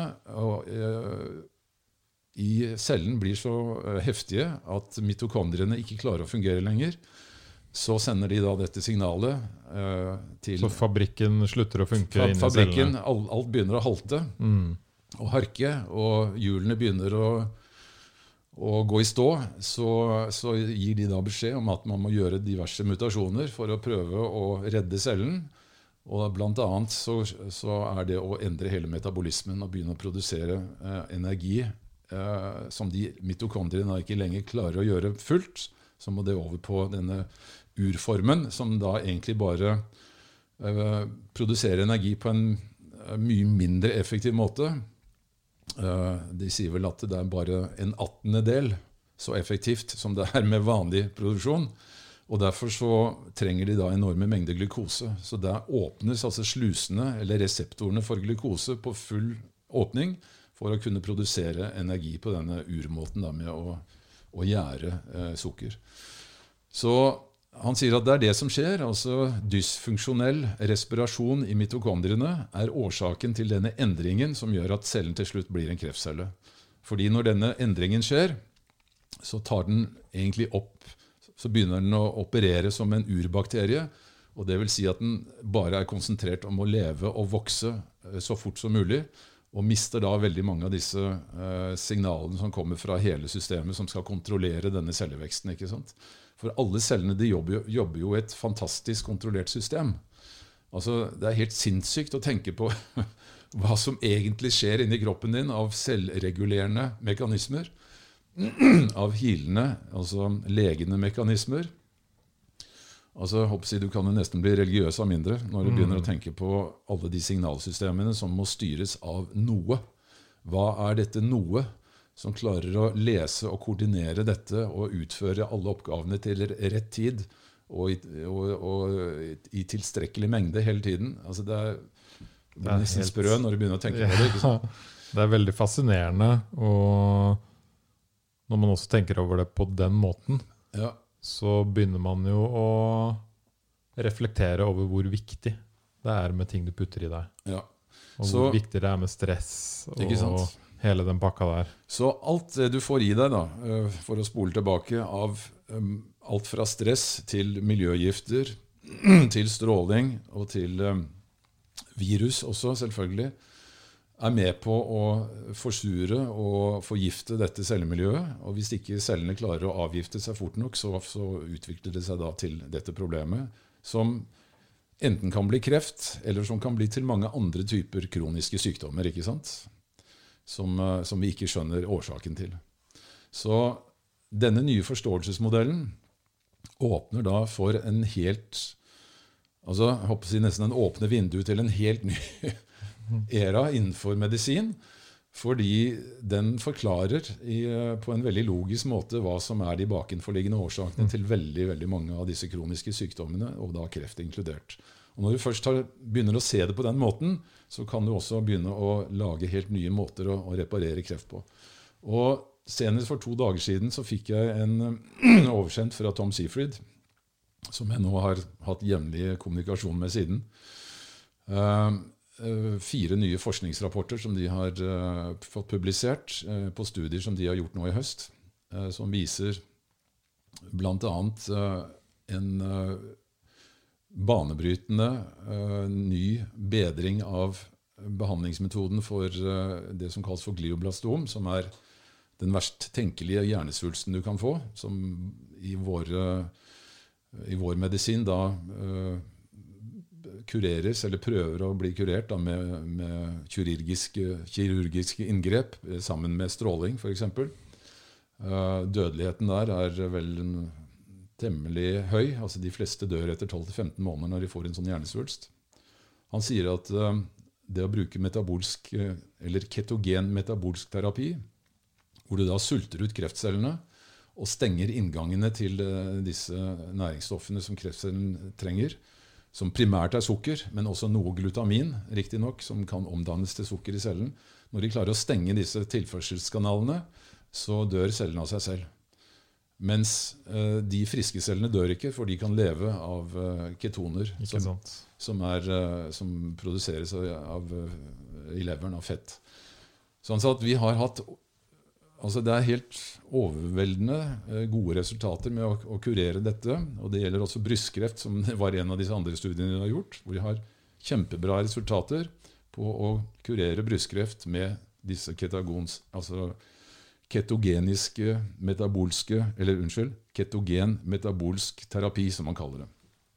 Altså hvor du reparerer kroppen uten bruk av tradisjonelle midler og uten at det blir eh, skader og senvirkninger av det. ikke sant? Altså Du kan fikse kreften på den måten. Så han sier dette er start, er starten på en helt rekke nye typer behandlingsmåter som vi nå kommer til å utvikle for å vise at eh, kreft kan håndteres på en helt annen måte. Og jeg fikk jo nesten helt frysninger, eller grøsninger, når jeg var hos han, og han presenterte dette her. Det var jo nesten sånn en euforisk opplevelse. Fordi han viste da på en tavle som, man, som, var full av kjemiske formler, så viste han den mekanismen som hadde ført til at jeg hadde fått kreft. Som han kunne da vise med skal vi si, biokjemiske formler. Og så han sa det at du er jo et levende eksempel på at dette systemet fungerer. Og vi har mange mange andre eksempler som bekrefter dette. Og dette er et enormt paradigmeskifte som nå er i ferd med å skje innenfor forståelsen av eh, kreft og andre kroniske sykdommer. Det eneste problemet er at det møter massiv motstand i systemet. Fordi det betyr at vi utfordrer hele det eksisterende eh, Ikke bare forståelsesmodellen innen kreft, men også hele det eksisterende industrielle systemet som er bygd opp rundt kreftbehandling, som er altså en av de største industriene i verden. Så hvis du kan kurere kreft uten å bruke de tradisjonelle midlene, så kan du spare sinnssykt mye penger. Men uh, alle de som jobber med dette, må da finne seg nye jobber, ifølge Tom mm. Seaford. Mm. Uh, vel, selvfølgelig veldig satt på spissen, men han sier vi behøver ikke lenger forgifte folk. Vi behøver ikke brenne i stykker kroppen deres med, med, med stråler. Og vi behøver ikke skjære de i stykker og fjerne samtidig masse friskt vev, som man alltid må gjøre når man uh, gjør kirurgi. Uh, dette kan med disse nye metodene uh, håndteres på en helt annen måte. Og de metodene er da i hovedsak, I hovedsak fasting og altså, Nå høres jo dette veldig enkelt ut. Ketodiett, da. Det er i, hoved, altså, i hovedsak så, så, ligger det i at du må tilføre helt andre typer næringsstoffer til kroppen. Ja. Uh, og du må kutte ut uh, karbohydrater. Så det er altså en, en, ketogen, en ganske heftig ketogen uh, Et heftig ketogent kosthold Men samtidig så har du da en del tilleggsterapier som uh, brukes for å, å, maksimere dette. Som er uh, Jeg skal ikke gå inn på det her, for det er litt for komplisert. Mm. Men det er forskjellige typer metabolske terapier som de bruker for å stenge disse inngangene i cellene. Og som de da også jobber med nå for å, å få gjort studier på, da, slik at de kan få satt det om eh, til praksis etter hvert. Men uh, som Seafruit sier, at problemet her er at det vi holder på med, disse terapiene, uh, er basert på ting som er vanskelig å patentere. Uh, du kan ikke patentere et kosthold. Du kan ikke patentere en, en diett. og Derfor er det veldig vanskelig å få penger til dette, fordi det er ikke noe økonomisk gevinst i den andre enden. Selv om vi kan redde millioner av mennesker og gjøre livet bedre til veldig mange mennesker, selv om vi kombinerer det da med tradisjonelle metoder, så, så, er det veldig vanskelig å få forskningsmidler til det. Så vi er helt avhengig av private donorer og, og ideelle eh, organisasjoner og stiftelser som kan eh, gi oss forskningspenger. Fordi vi får det ikke gjennom altså Det er ingen legemiddelselskaper som vil være med på dette. Fordi eh, det er jo eh, i prinsippet å gi penger til konkurrenten. ikke sant? Så Han sier derfor så går dette dessverre altfor seint. Han sier vi sitter på hele vitenskapen.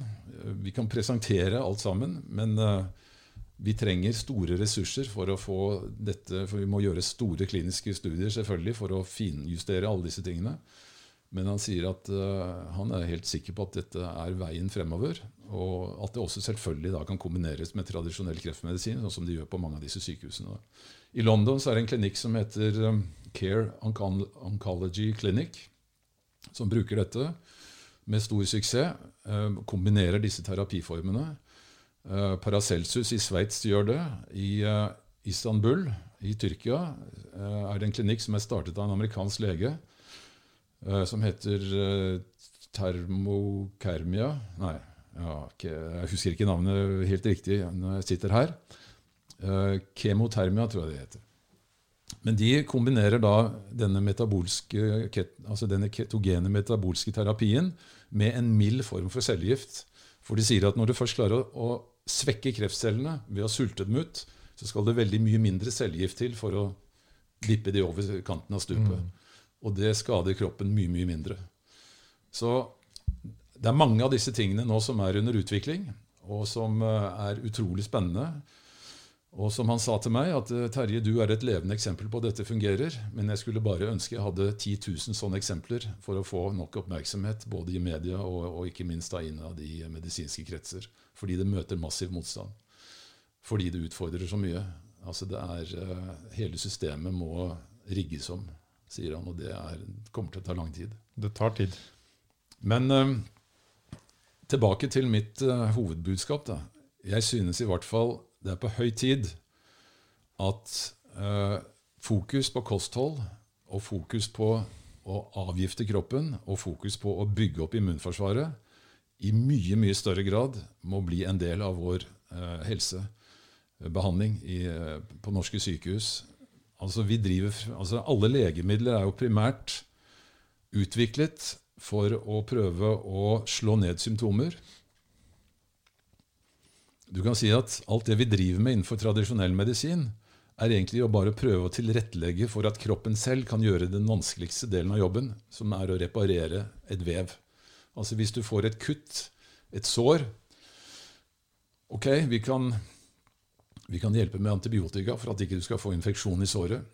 Vi kan sy, sy igjen såret, sånn at uh, vevet liksom får en lettere jobb. Men det er likevel kroppen som må gjøre den vanskelige eh, delen ved å, å, å hile dette og, og, si, organisere dette på, på cellenivå. ikke sant? Det samme hvis du har kroniske sykdommer. Vi kan eh, bruke kortison til å dempe betennelser i huden og andre steder. Vi kan bruke forskjellige typer legemidler til å slå ned både MS og hjerte-karproblemer. Vi kan eh, ja, altså You name it, og hele spekteret. Men det vi egentlig gjør hele tiden, er å prøve å tilrettelegge med, med, med, med medikamenter, slik at kroppen kan gjøre den vanskelige delen av jobben. Akkurat som når du brekker beinet. Får du det inn i, inn i en gips, er det mye lettere for kroppen å få reparert det på riktig måte. ikke sant? Nettopp. Så dette, så, så dette er liksom vestlig medisin. Mm. Det er eh, å bruke det vi har lært av eh, triks eh, og skal vi si med, medisinelle grep for å tilrettelegge for kroppen. Men Og det er litt som du sier, da. Hvis du havner i en sykkelulykke og knekker beinet, Ja. så er det veldig, veldig bra og fornuftig å bruke vestlig medisin og komme og få hjelp til det Ja. fort. Så selvfølgelig, altså, som jeg sa i stad, dette er jo ikke noe angrep på vestlig medisin eller vår skolemedisin, for den er jo fantastisk. Helt- altså, når det gjelder akuttmedisin, når det gjelder infeksjonssykdommer, når det gjelder veldig mye av det, altså er du ute for en ulykke, eller har du, må du skifte en hjerteklaff, eller har du, må du skifte en hofteskål, eller hva pokker det er, ikke sant? så er det jo helt fantastisk at vi har utviklet denne typen medisin. Men den tar ikke de bakenforliggende årsakene til kroniske sykdommer. Nei. Det er det som er hele problemet. Og veldig ofte når du kommer til legen, så må du fortelle eh, som, at du har vondt her, du har vondt der, du føler deg litt dårlig, du er litt kvalm innimellom, eh, du svetter, du har ikke noe energi. Så blir lege, Stakkars legen skal prøve å da finne en diagnose på dette. ikke sant? Eh, Kan det være sånn, kan det være sånn, kan det være sånn? Fordi med en gang legen får en diagnose, kan stille en diagnose, så er det bare å gå inn i manualen og si at ok, den diagnosen, da har vi de og de, og de medisinene, vær så god. Da tar du dette, disse pillene, og så kommer du tilbake om tre uker og så ser åssen det går. Men når det gjelder veldig mange av de kroniske sykdommene, så er det utrolig vanskelig å stille diagnoser. Fordi jeg, jeg våkna i går med vondt i, i skulderen. Og uh, i forgårs så var det vondt kne som var problemet. Og i dag så, har jeg, så er jeg litt kvalm. ikke sant? Hva er dette, kjære doktor? Ja, det er jo legenes uh, store uh, Samboeren min er jo lege, Mhm. og hun har jobba som forskjellige typer leger. Og fra dem sitt standpunkt og side så har jo de også en utrolig vanskelig jobb, for de sitter der med sine, sin verktøykasse. Og så sier hun uh, en veldig stor utfordring er for det første tid. Ja, ikke minst. Ikke sant? Du har 20 minutter per pasient. Mm. Og på den tiden da, så skal du på en måte prøve å finne ut av alt det du har sagt nå. Altså, nå sier jo Helsedirektoratet at uh, i gjennomsnitt så har hver fastlege uh, en pasientmengde på ca. 1100 pasienter. Ja. Noen har oppi 2000. Og det systemet er rigget på den måten. Og du har ikke tid som lege til å sette deg ned med pasienten og si Hør nå her, nå må du fortelle meg hva du spiser. Eh, nå må du fortelle deg meg hva du, hvordan du lever. Eh, stresser du mye? Har du, eh, har du et greit ekteskap? Har du altså, hel rekke med sånne spørsmål som egentlig burde være naturlige, for å prøve å, å fokusere seg inn på hva er det som skjer inni kroppen din. Det du har ikke tid til det. Må, altså, enten så har du vondt der, eller så har du vondt der, eller så har du en infeksjon her eller der, og så er det smakk-smakk inn i systemet. ikke sant? Jeg leser jo nå om noen land som har begynt å skrive ut liksom sånne ting som å uh, gå tur i skogen Ja. som resept. Ikke sant? Du får ta fri fra jobb, Ja. og så må du gå tur i skogen en gang i uka. Mm. Det kommer til å hjelpe deg. Så disse nye eh, terapiformene, uh, som da krever en førstegangskonsultasjon på opp mot tre timer eh, Det sier seg selv at eh, det vil ta tid før det norske helsesystemet er eh, klar for å begynne å se på den måten å gjøre det på. Og Derfor så er det jo stadig flere og flere i Norge som eh, går til alternativterapeuter. Fordi de føler at de får altfor liten tid og altfor lite eh, hjelp. Og det er også til legenes frustrasjon, da, for å si det sånn. De er også like frustrert som pasienten ofte. Altså legen, De aller fleste leger, og jeg kjenner mange av de, jeg har til og med flere av de i min egen familie, nærmeste familie. Jeg har en svoger som er lege, jeg har en uh, stesvigersønn som er lege, jeg har nære venner som er leger. Og de er jo like frustrert, de også. Ja. Og eh, disse to fastlegene jeg har i familien, altså de, jeg kan ikke eh, tenke meg noen som jobber mer. Nei. For de er utrolig samvittighetsfulle mennesker. Eh, De går og tenker på disse pasientene sine hele døgnet. ikke sant? Eh, Så det er en utrolig tøff oppgave å være lege. og også syke. Så Alle de som jobber i helsevesenet, er jo mennesker med de mest edle hensikter. Men systemet eh, gjør det vanskelig. Og ikke minst det faktum at folk bare blir sykere og sykere. i vårt vestlige samfunn, hvor vi skulle tro at alt eh, var, ble mye bedre hele tiden, så blir vi sykere, og som gjør at det overbelaster systemet. Og når du da får en pandemi på toppen, som vi har nå Dattera mi jobber på eh, Drammen sykehus, og hun er jo helt utslitt. Mm. Hun sier at dette var dråpen som fikk et allerede fullt beger til å, å renne over, så nå kneler snart hele systemet her. ikke Ja. sant? Hun fortalte meg i går, Nå måtte de permittere en hel avdeling Ja. fordi det var en, ø, oppdaget smitte. ikke sant? Så alle, det, alle helsearbeiderne der ble sendt hjem i karantene. Hva skal de gjøre med pasientene? Halvparten av de måtte de sende hjem. De må utsette alle operasjoner. Er, altså Systemet er så pressa i utgangspunktet at når du får et sånn opplegg på toppen, så bare flater det helt ut. Eh, og det er jo fordi at vi i utgangspunktet er så sjuke. Og når du har levd altså 50-60 år, som i mitt tilfelle, da, med et sånt håper å si, normalt kost, norsk kosthold og normalt norsk levesett, så blir du veldig ofte sjuk. Du gjør det, og Ja. det her har jeg jo prøvd å gjenta mange ganger i podkasten, at uh, det er veldig vanskelig for folk før de kommer til den situasjonen du var i, da, at du har kniven på strupen, å endre livsstil og kosthold og stress. Ja. For det er sånn det alltid har vært. Sånn er jo livet mitt. Ikke sant? Hva skal jeg gjøre med det? Jeg har eh, snakket med seriøse forskere som sier at eh, det er veldig mye som tyder på at kroppen er konstruert for å kunne leve i 120 år. Altså fra naturens side. Eh, og grunnen til at vi ikke lever i 120 år, er altså levesettet og kosthold og levesett. Vi har jo mennesker som faktisk lever i 120 år, som da lever isolert eh, i et eller annet fjell i Himalaya, eller hva det er. Eller men, eh, men kroppen er fra naturens side utstyrt med så bra eh, eh, skal vi si, vedlikeholdssystemer og selvregulerende rensesystemer, sånn at hvis den får påfyll av riktige næringsstoffer og riktig mat, så kan den leve i 120 år. Og noe som er ganske sprøtt, faktisk, er at det er gjort Når man tar celler ut av kroppen, altså levende menneskeceller ut av kroppen og putter i en petriskål, og gir de eh, riktige næringsstoffer og, og fjerner avfallet etter hvert, så kan de leve nesten uendelig. Altså de, En hare for eksempel, som har en levetid på ja, jeg vet ikke hvor mange år det er, det er ikke så veldig mange år, men de har jo fått harehjerter til å, å leve altså i 60-70 år i laboratorier. Fordi at de, de gir de, de rette altså påfyllet av, av næringsstoffer. Sånn at eh, cellene i kroppen er, eh, har potensial til å vare veldig lenge hvis systemet får de riktige eh, si, optimale forhold. Da.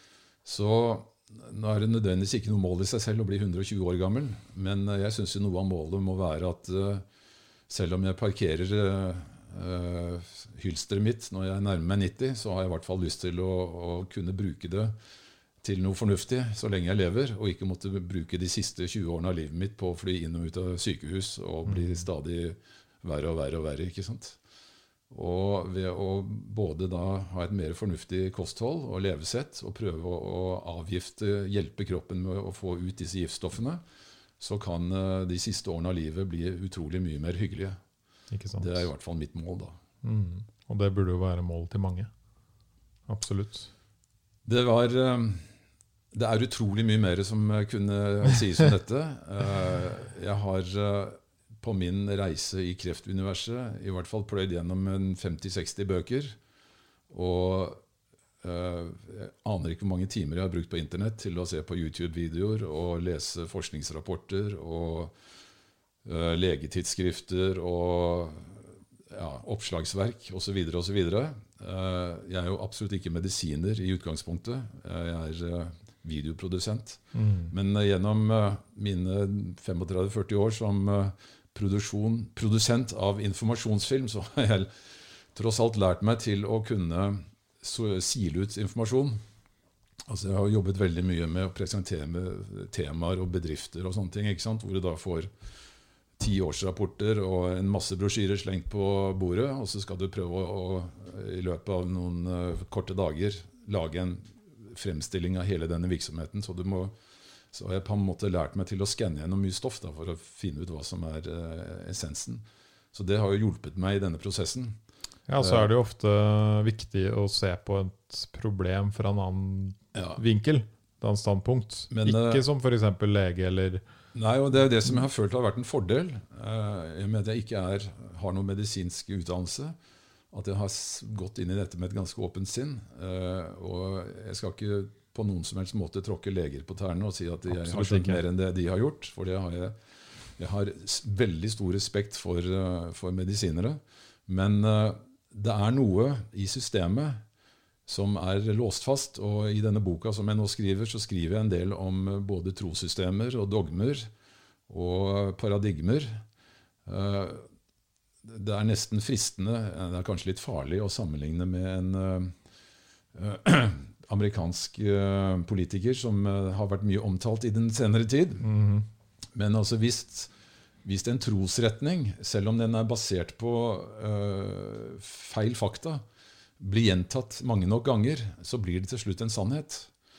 Nå skal jeg ikke være nå skal ikke jeg påstå at det veldig, skjer veldig ofte innenfor helsevesenet, men noen ganger så kan man nok tillate seg til å si at eh, en del av de grunnleggende eh, trossystemene innenfor helsevesenet nødvendigvis ikke er basert 100% på eh, skal vi si forskning, men også veldig ofte på Ikke veldig ofte, men av og til på, på etablerte dogmer. Og dette har bl.a.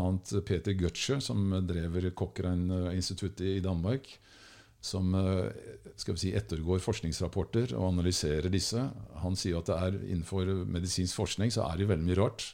Det er veldig mye tilbakehold av eh, resultater som ikke favoriserer ønsket utkomme osv. Og, og det er veldig mange eh, ting som er blitt vedtatte sannheter, som, som eh, burde tåle å få nytt lys på seg.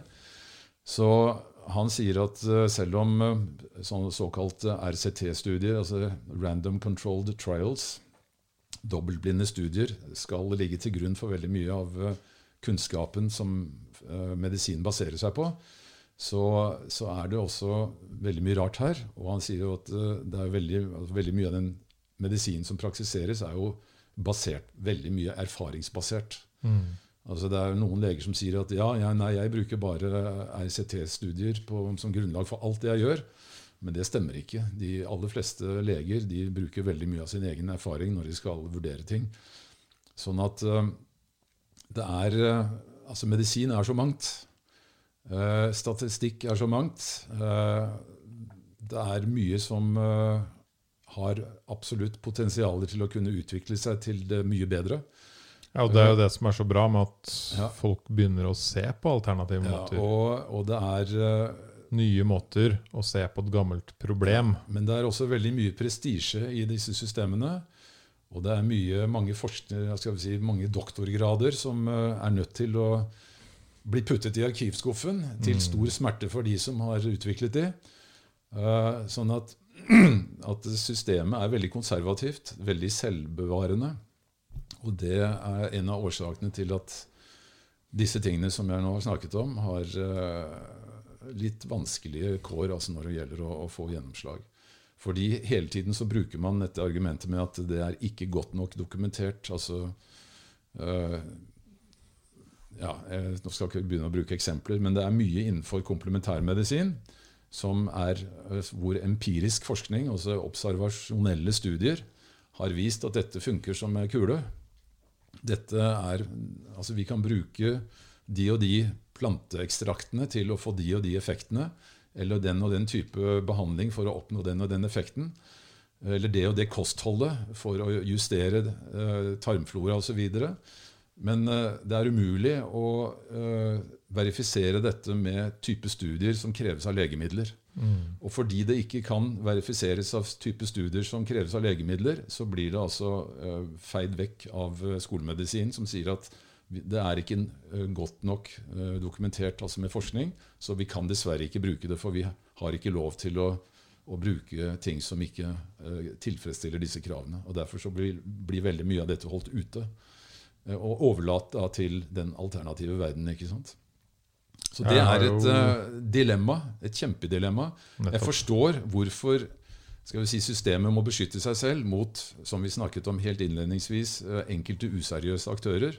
Men samtidig så virker dette som en enorm bremsekloss og en murvegg som er nesten ugjennomtrengelig for uh, nye oppdagelser og, og erfaringer som kanskje kunne gjort uh, totalen mye, mye bedre. Jeg syns et veldig godt eksempel på det er jo eh, forskningen som har pågått på psykedelika og MDMA. De har jo uh, brukt 30 år nå på Maps Ja. på å komme til det stadiet at nå kan på en måte helsesektoren i USA si Oi, det her funker! Uh, de har klart å bevise det underveis hele tiden. Dette Ja. funker veldig bra i Veldig mange individer sier at dette funker bra med PTSD, mot depresjon, mot, eh, for å fikse forhold osv. Veldig mange gode saker, veldig mange individer som sier det. Mange historier på en måte som er som din. Ja. ikke sant? Men han eh, har sett mye på han Rick Doblin i det siste, som driver Maps. Og han har jo sagt det tok meg 30 år å komme til det stadiet at innenfor nå eh, lege, og spesielt psykiatrisk og helse, så kan vi nå si ja, vi ønsker å gå videre med forskningen. Mm. Vi ønsker å ta dette til stadie to eller tre, eller noe sånt. Mm. Og etter hvert rulle ut dette til behandling. Mm. Fordi det, det, har, det viser seg at det gir jo ekstremt god effekt for folk som har disse lidelsene. Nei, det er, det er en enorm eh, utfordring, akkurat det der. Men altså, man kan jo altså Sånn som systemet fungerer, så er jo også det at eh, sykehus og leger har et eh, ansvarsforhold. Altså De skal tilby pasientene eh, behandlinger som man har god nok forskningsstøtte på at har en effekt. ikke sant? Og problemet er det at eh, hvis det skulle gå gærent, da, hvis legen skulle gjøre en, en feil eller behandlingen skulle gå helt skeis, så har vi også et system som ser at, at pasienten kan klage, og kan til og med be om økonomisk kompensasjon. Sånn at det er også en sånn sterk regulerende faktor da, som gjør at en lege aldri tør å gjøre noe annet enn det som er konsensus, altså det som står i Norsk legehåndbok. Hvis du har den og den, de og de symptomene, så er det altså de og de type behandlingsregimene som skal brukes. Hvis du ikke følger de, så kan du risikere at uh, det skjer noe feil, selvfølgelig. Og hvis det skjer noe feil, så kan sykehuset få et millionkrav i erstatning, og du som lege kan risikere å miste lisensen. Og i verst, altså, om du ikke mister lisensen, så mister du i hvert fall karrieremulighetene, og du blir uh, sett ned på av dine kollegaer osv. osv. Sånn at uh, leger er egentlig ganske bundet på hender og føtter. Uh, de har ikke sjans til å begynne å se, ting, se utenfor systemet. ikke sant? Og de må hele tiden på en måte kjøre litt med håndbrekket på, og må ikke se seg til siden når de utøver sin legepraksis. Mm. Og det gjør at eh, leger uh, har veldig lite peiling på alternativ medisin. Fordi det er et felt som de ikke skal uh, per definisjon bevege seg inn i det hele tatt. Så når en pasient kommer og sier at jeg har veldig lyst til å prøve akupunktur, eller har veldig lyst til å prøve den og den formen for terapi, så hva syns du om det, kjære doktor? Da sier legen at nei, det kan jeg dessverre ikke svare på, for der har ikke vi eh, noe eh, egentlig å si. Mm. Så det må du i så fall gjøre helt på egen hånd. Men hvis, det er noe, hvis du skal gjøre dette mot en alvorlig sykdom, så må jeg dessverre si nei. Det kan ikke jeg eh, tillate. Så dette er et sånt veldig strikt system da, som er rigget for å ekskludere problemer og holde ute useriøse aktører. Men på den andre siden så er det blitt så strikt at det virker veldig hemmende på ny, ny eh, verdifull input. I Ja. hvert fall i min, etter min mening, og også etter veldig mange av de forskerne som jeg har snakket med, som, eh, som eh, opplever dette her. At det, er, det må en oppmykning til. Og spesielt når veldig mange av disse alternative terapiene eller komplementære tilnærmingene, sånn som det jeg gjorde, da, ikke medfører noe risiko. Altså du, fordi om du endrer di- dietten din altså Du kan ikke dø av uh, å spise grønnsaker. Nei. Eh, Grønnsakssuppe dreper deg ikke. det dreper deg ikke, og du kan heller ikke dø av å spise mineraler og vitaminer hvis ikke du gjør det i enorme mengder. Eh, Det er stort sett Enten så er det en positiv effekt, eller så er det ingen effekt. Det er ekstremt sjelden at det er noen negativ effekt av det. Bortsett fra enkelte sånne farlige planteekstrakter og sånn. Men så lenge du holder deg innenfor en viss rimelighet, Ja. Så, så er det veldig lite skummelt å, å bruke det. Men det er klart, du kan ikke drive med avgiftning samtidig som du går på cellegift. Nei. Eh, For det, det jo, vil jo slå det ene slår det andre i hjel. Så hvis du er under en skal vi si, vanlig kreftbehandling, så må du selvfølgelig være veldig nøye med hva du gjør og ikke gjør når det gjelder disse andre tingene.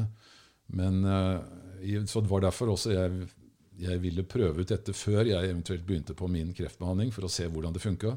Og når jeg etter hvert opplevde at det funket så utrolig bra, så, så eh, ja, Det var jo helt på slutten at jeg, jeg fikk hjelp til å bestråle de største svulstene. Men eh, utover det så mener jo jeg helt, helt klart at det var denne rensekuren og denne styrkingen av immunforsvaret og den reparasjonen av min tarm og, og, og, og de problemene jeg hadde der, som gjorde at jeg til slutt øh, ikke bare øh, fikk øh, stoppet kreften, men jeg ble jo helt frisk. Både fra kreft, både fra psoriasis og også fra atopisk eksem.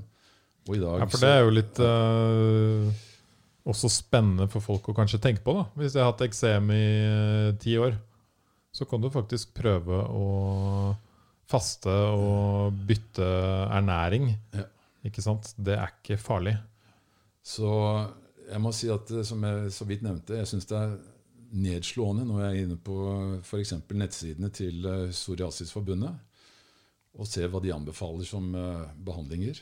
Eh, Det er veldig lite som står der om eh, disse metodene for å rense kroppen. Altså. Det som er viktig, er å få ut sånne historier som dine. Så folk lytter og hører og blir inspirert, og at man får forska på det. Ja, jeg syns jo det selv.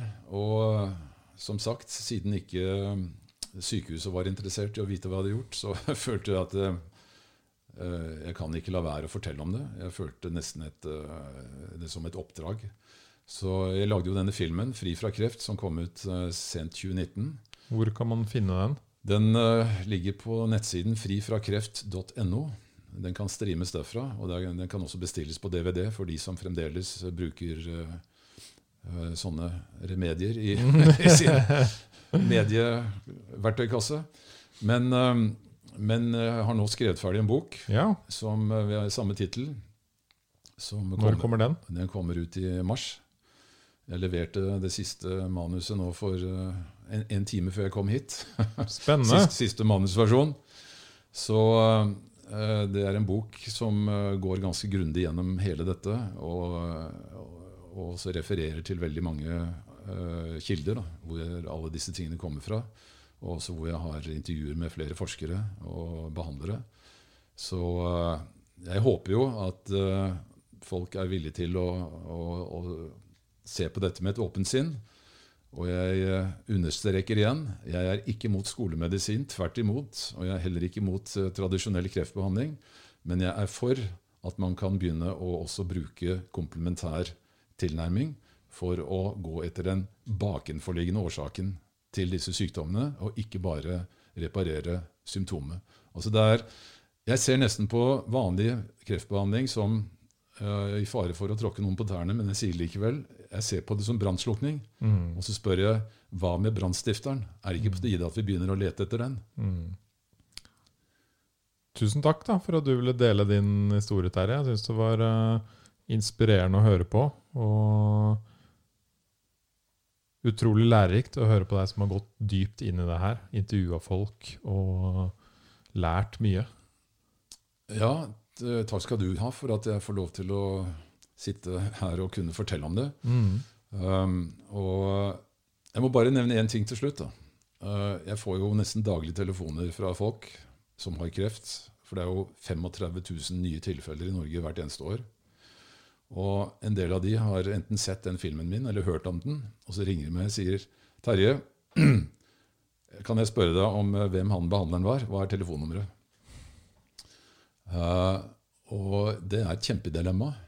Uh, for det første så har ikke jeg lov til å drive med noe, skal vi si, kreftkonsultasjon på den måten. Nei. For de spør jo meg også hva var det du gjorde. Uh, Jeg vil vite hva du gjorde, Terje. Og jeg må si at det jeg gjorde, det er veldig individuelt. Eh, Jeg kan fortelle deg hva jeg gjorde, men jeg kan ikke fortelle deg at du skal gjøre det samme.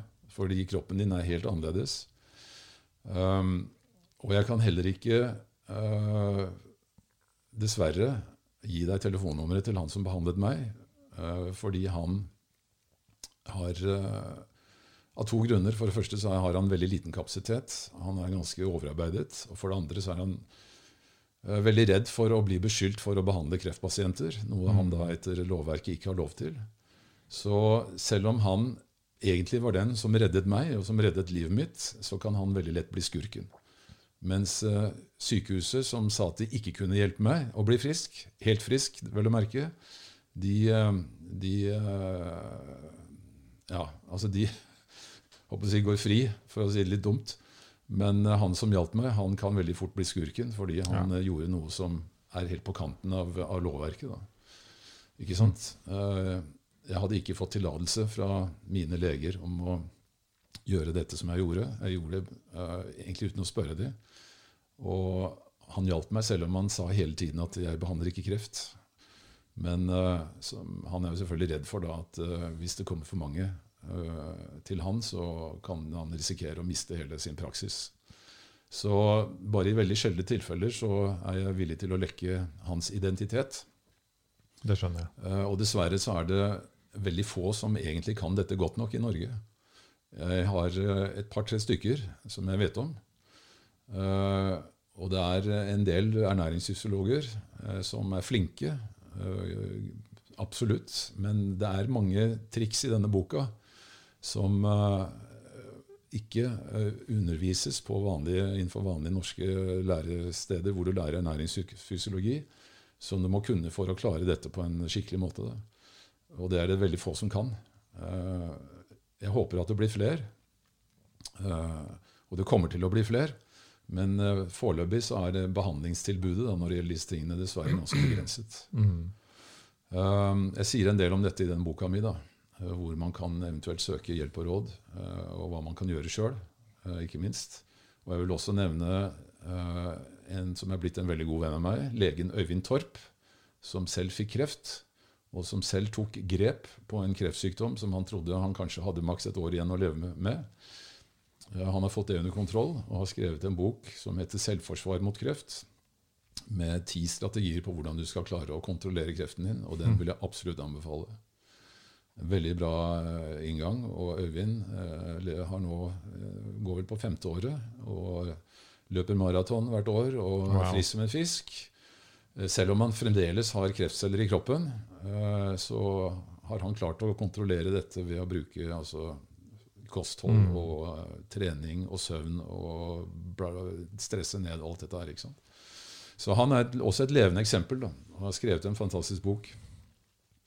Så det kommer flere og flere, Det er bra. og det må flere og flere til. Mm. Men eh, nei, så eh, jeg bare håper, fordi eh, mulighetene er i hvert fall enorme til å kunne forbedre dette. enormt, eller er enormt med forbedringspotensialer her. Ikke sant. Og i det store bildet så handler jo det her mye om stress i livet. Handler om hva du spiser og får i deg. Stråling.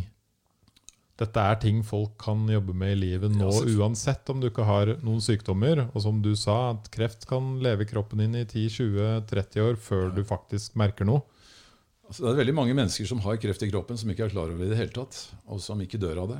Eh, Men altså det å, altså å endre livsstil, det er ikke lett. Nei. Det vet alle. Det tar også tid. Det tar også tid. Og som sagt tidligere, du trenger ofte å få kniven på strupen for å kunne gjøre det skikkelig. Eh, er, du ser jo det også, Alle melder seg på fitnesssenter og Mm. treningssenter eh, 1.1., og så holder de ut til påske, og så er det over. ikke sant? Eh, Det er det som ofte skjer, at eh, du går inn all in, og så varer det noen uker eller måneder, og så blir det for traurig. Men altså, alle ting som har med trening å gjøre Trening er jo veldig viktig. Søvn, avstressing, kosthold og det å prøve å leve i et mest mulig giftfritt eh, miljø. Spise økologisk. Eh, kutte ned på sukker. kutte ned på rødt kjøtt. Kutte ned på og Hvis du har, øh, hvis du er glutensensitiv eller har melkeallergi, ta en test hos et laboratorium som kan sjekke tarmen din. Hva slags matintoleranser du har. Finn ut av det. Og dropp de, den type mat som gjør at du får betennelser i kroppen. Det er ting som alle kan gjøre, og som gjør at du både får det bedre med deg sjøl, og du blir mindre sjuk, og du lever lenger, og du får en bedre alderdom. Så hvorfor ikke prøve? Jeg sier som øh, barnebarnet mitt, som ofte bruker det som en sånn frase Gjør det, gjør det, gjennomfør det. Jeg tenker vi avslutter her, Terje. Uh, sjekk gjerne ut dokumentaren din 'Fri fra kreft'. Boka som kommer i mars. 'Fri, fri fra kreft'. Ja. Uh, tusen takk for at du kom hit i dag. Tusen takk for at jeg fikk lov til å dele mine tanker, og tusen takk for at jeg ble invitert. Det satte jeg stor pris på. Mm.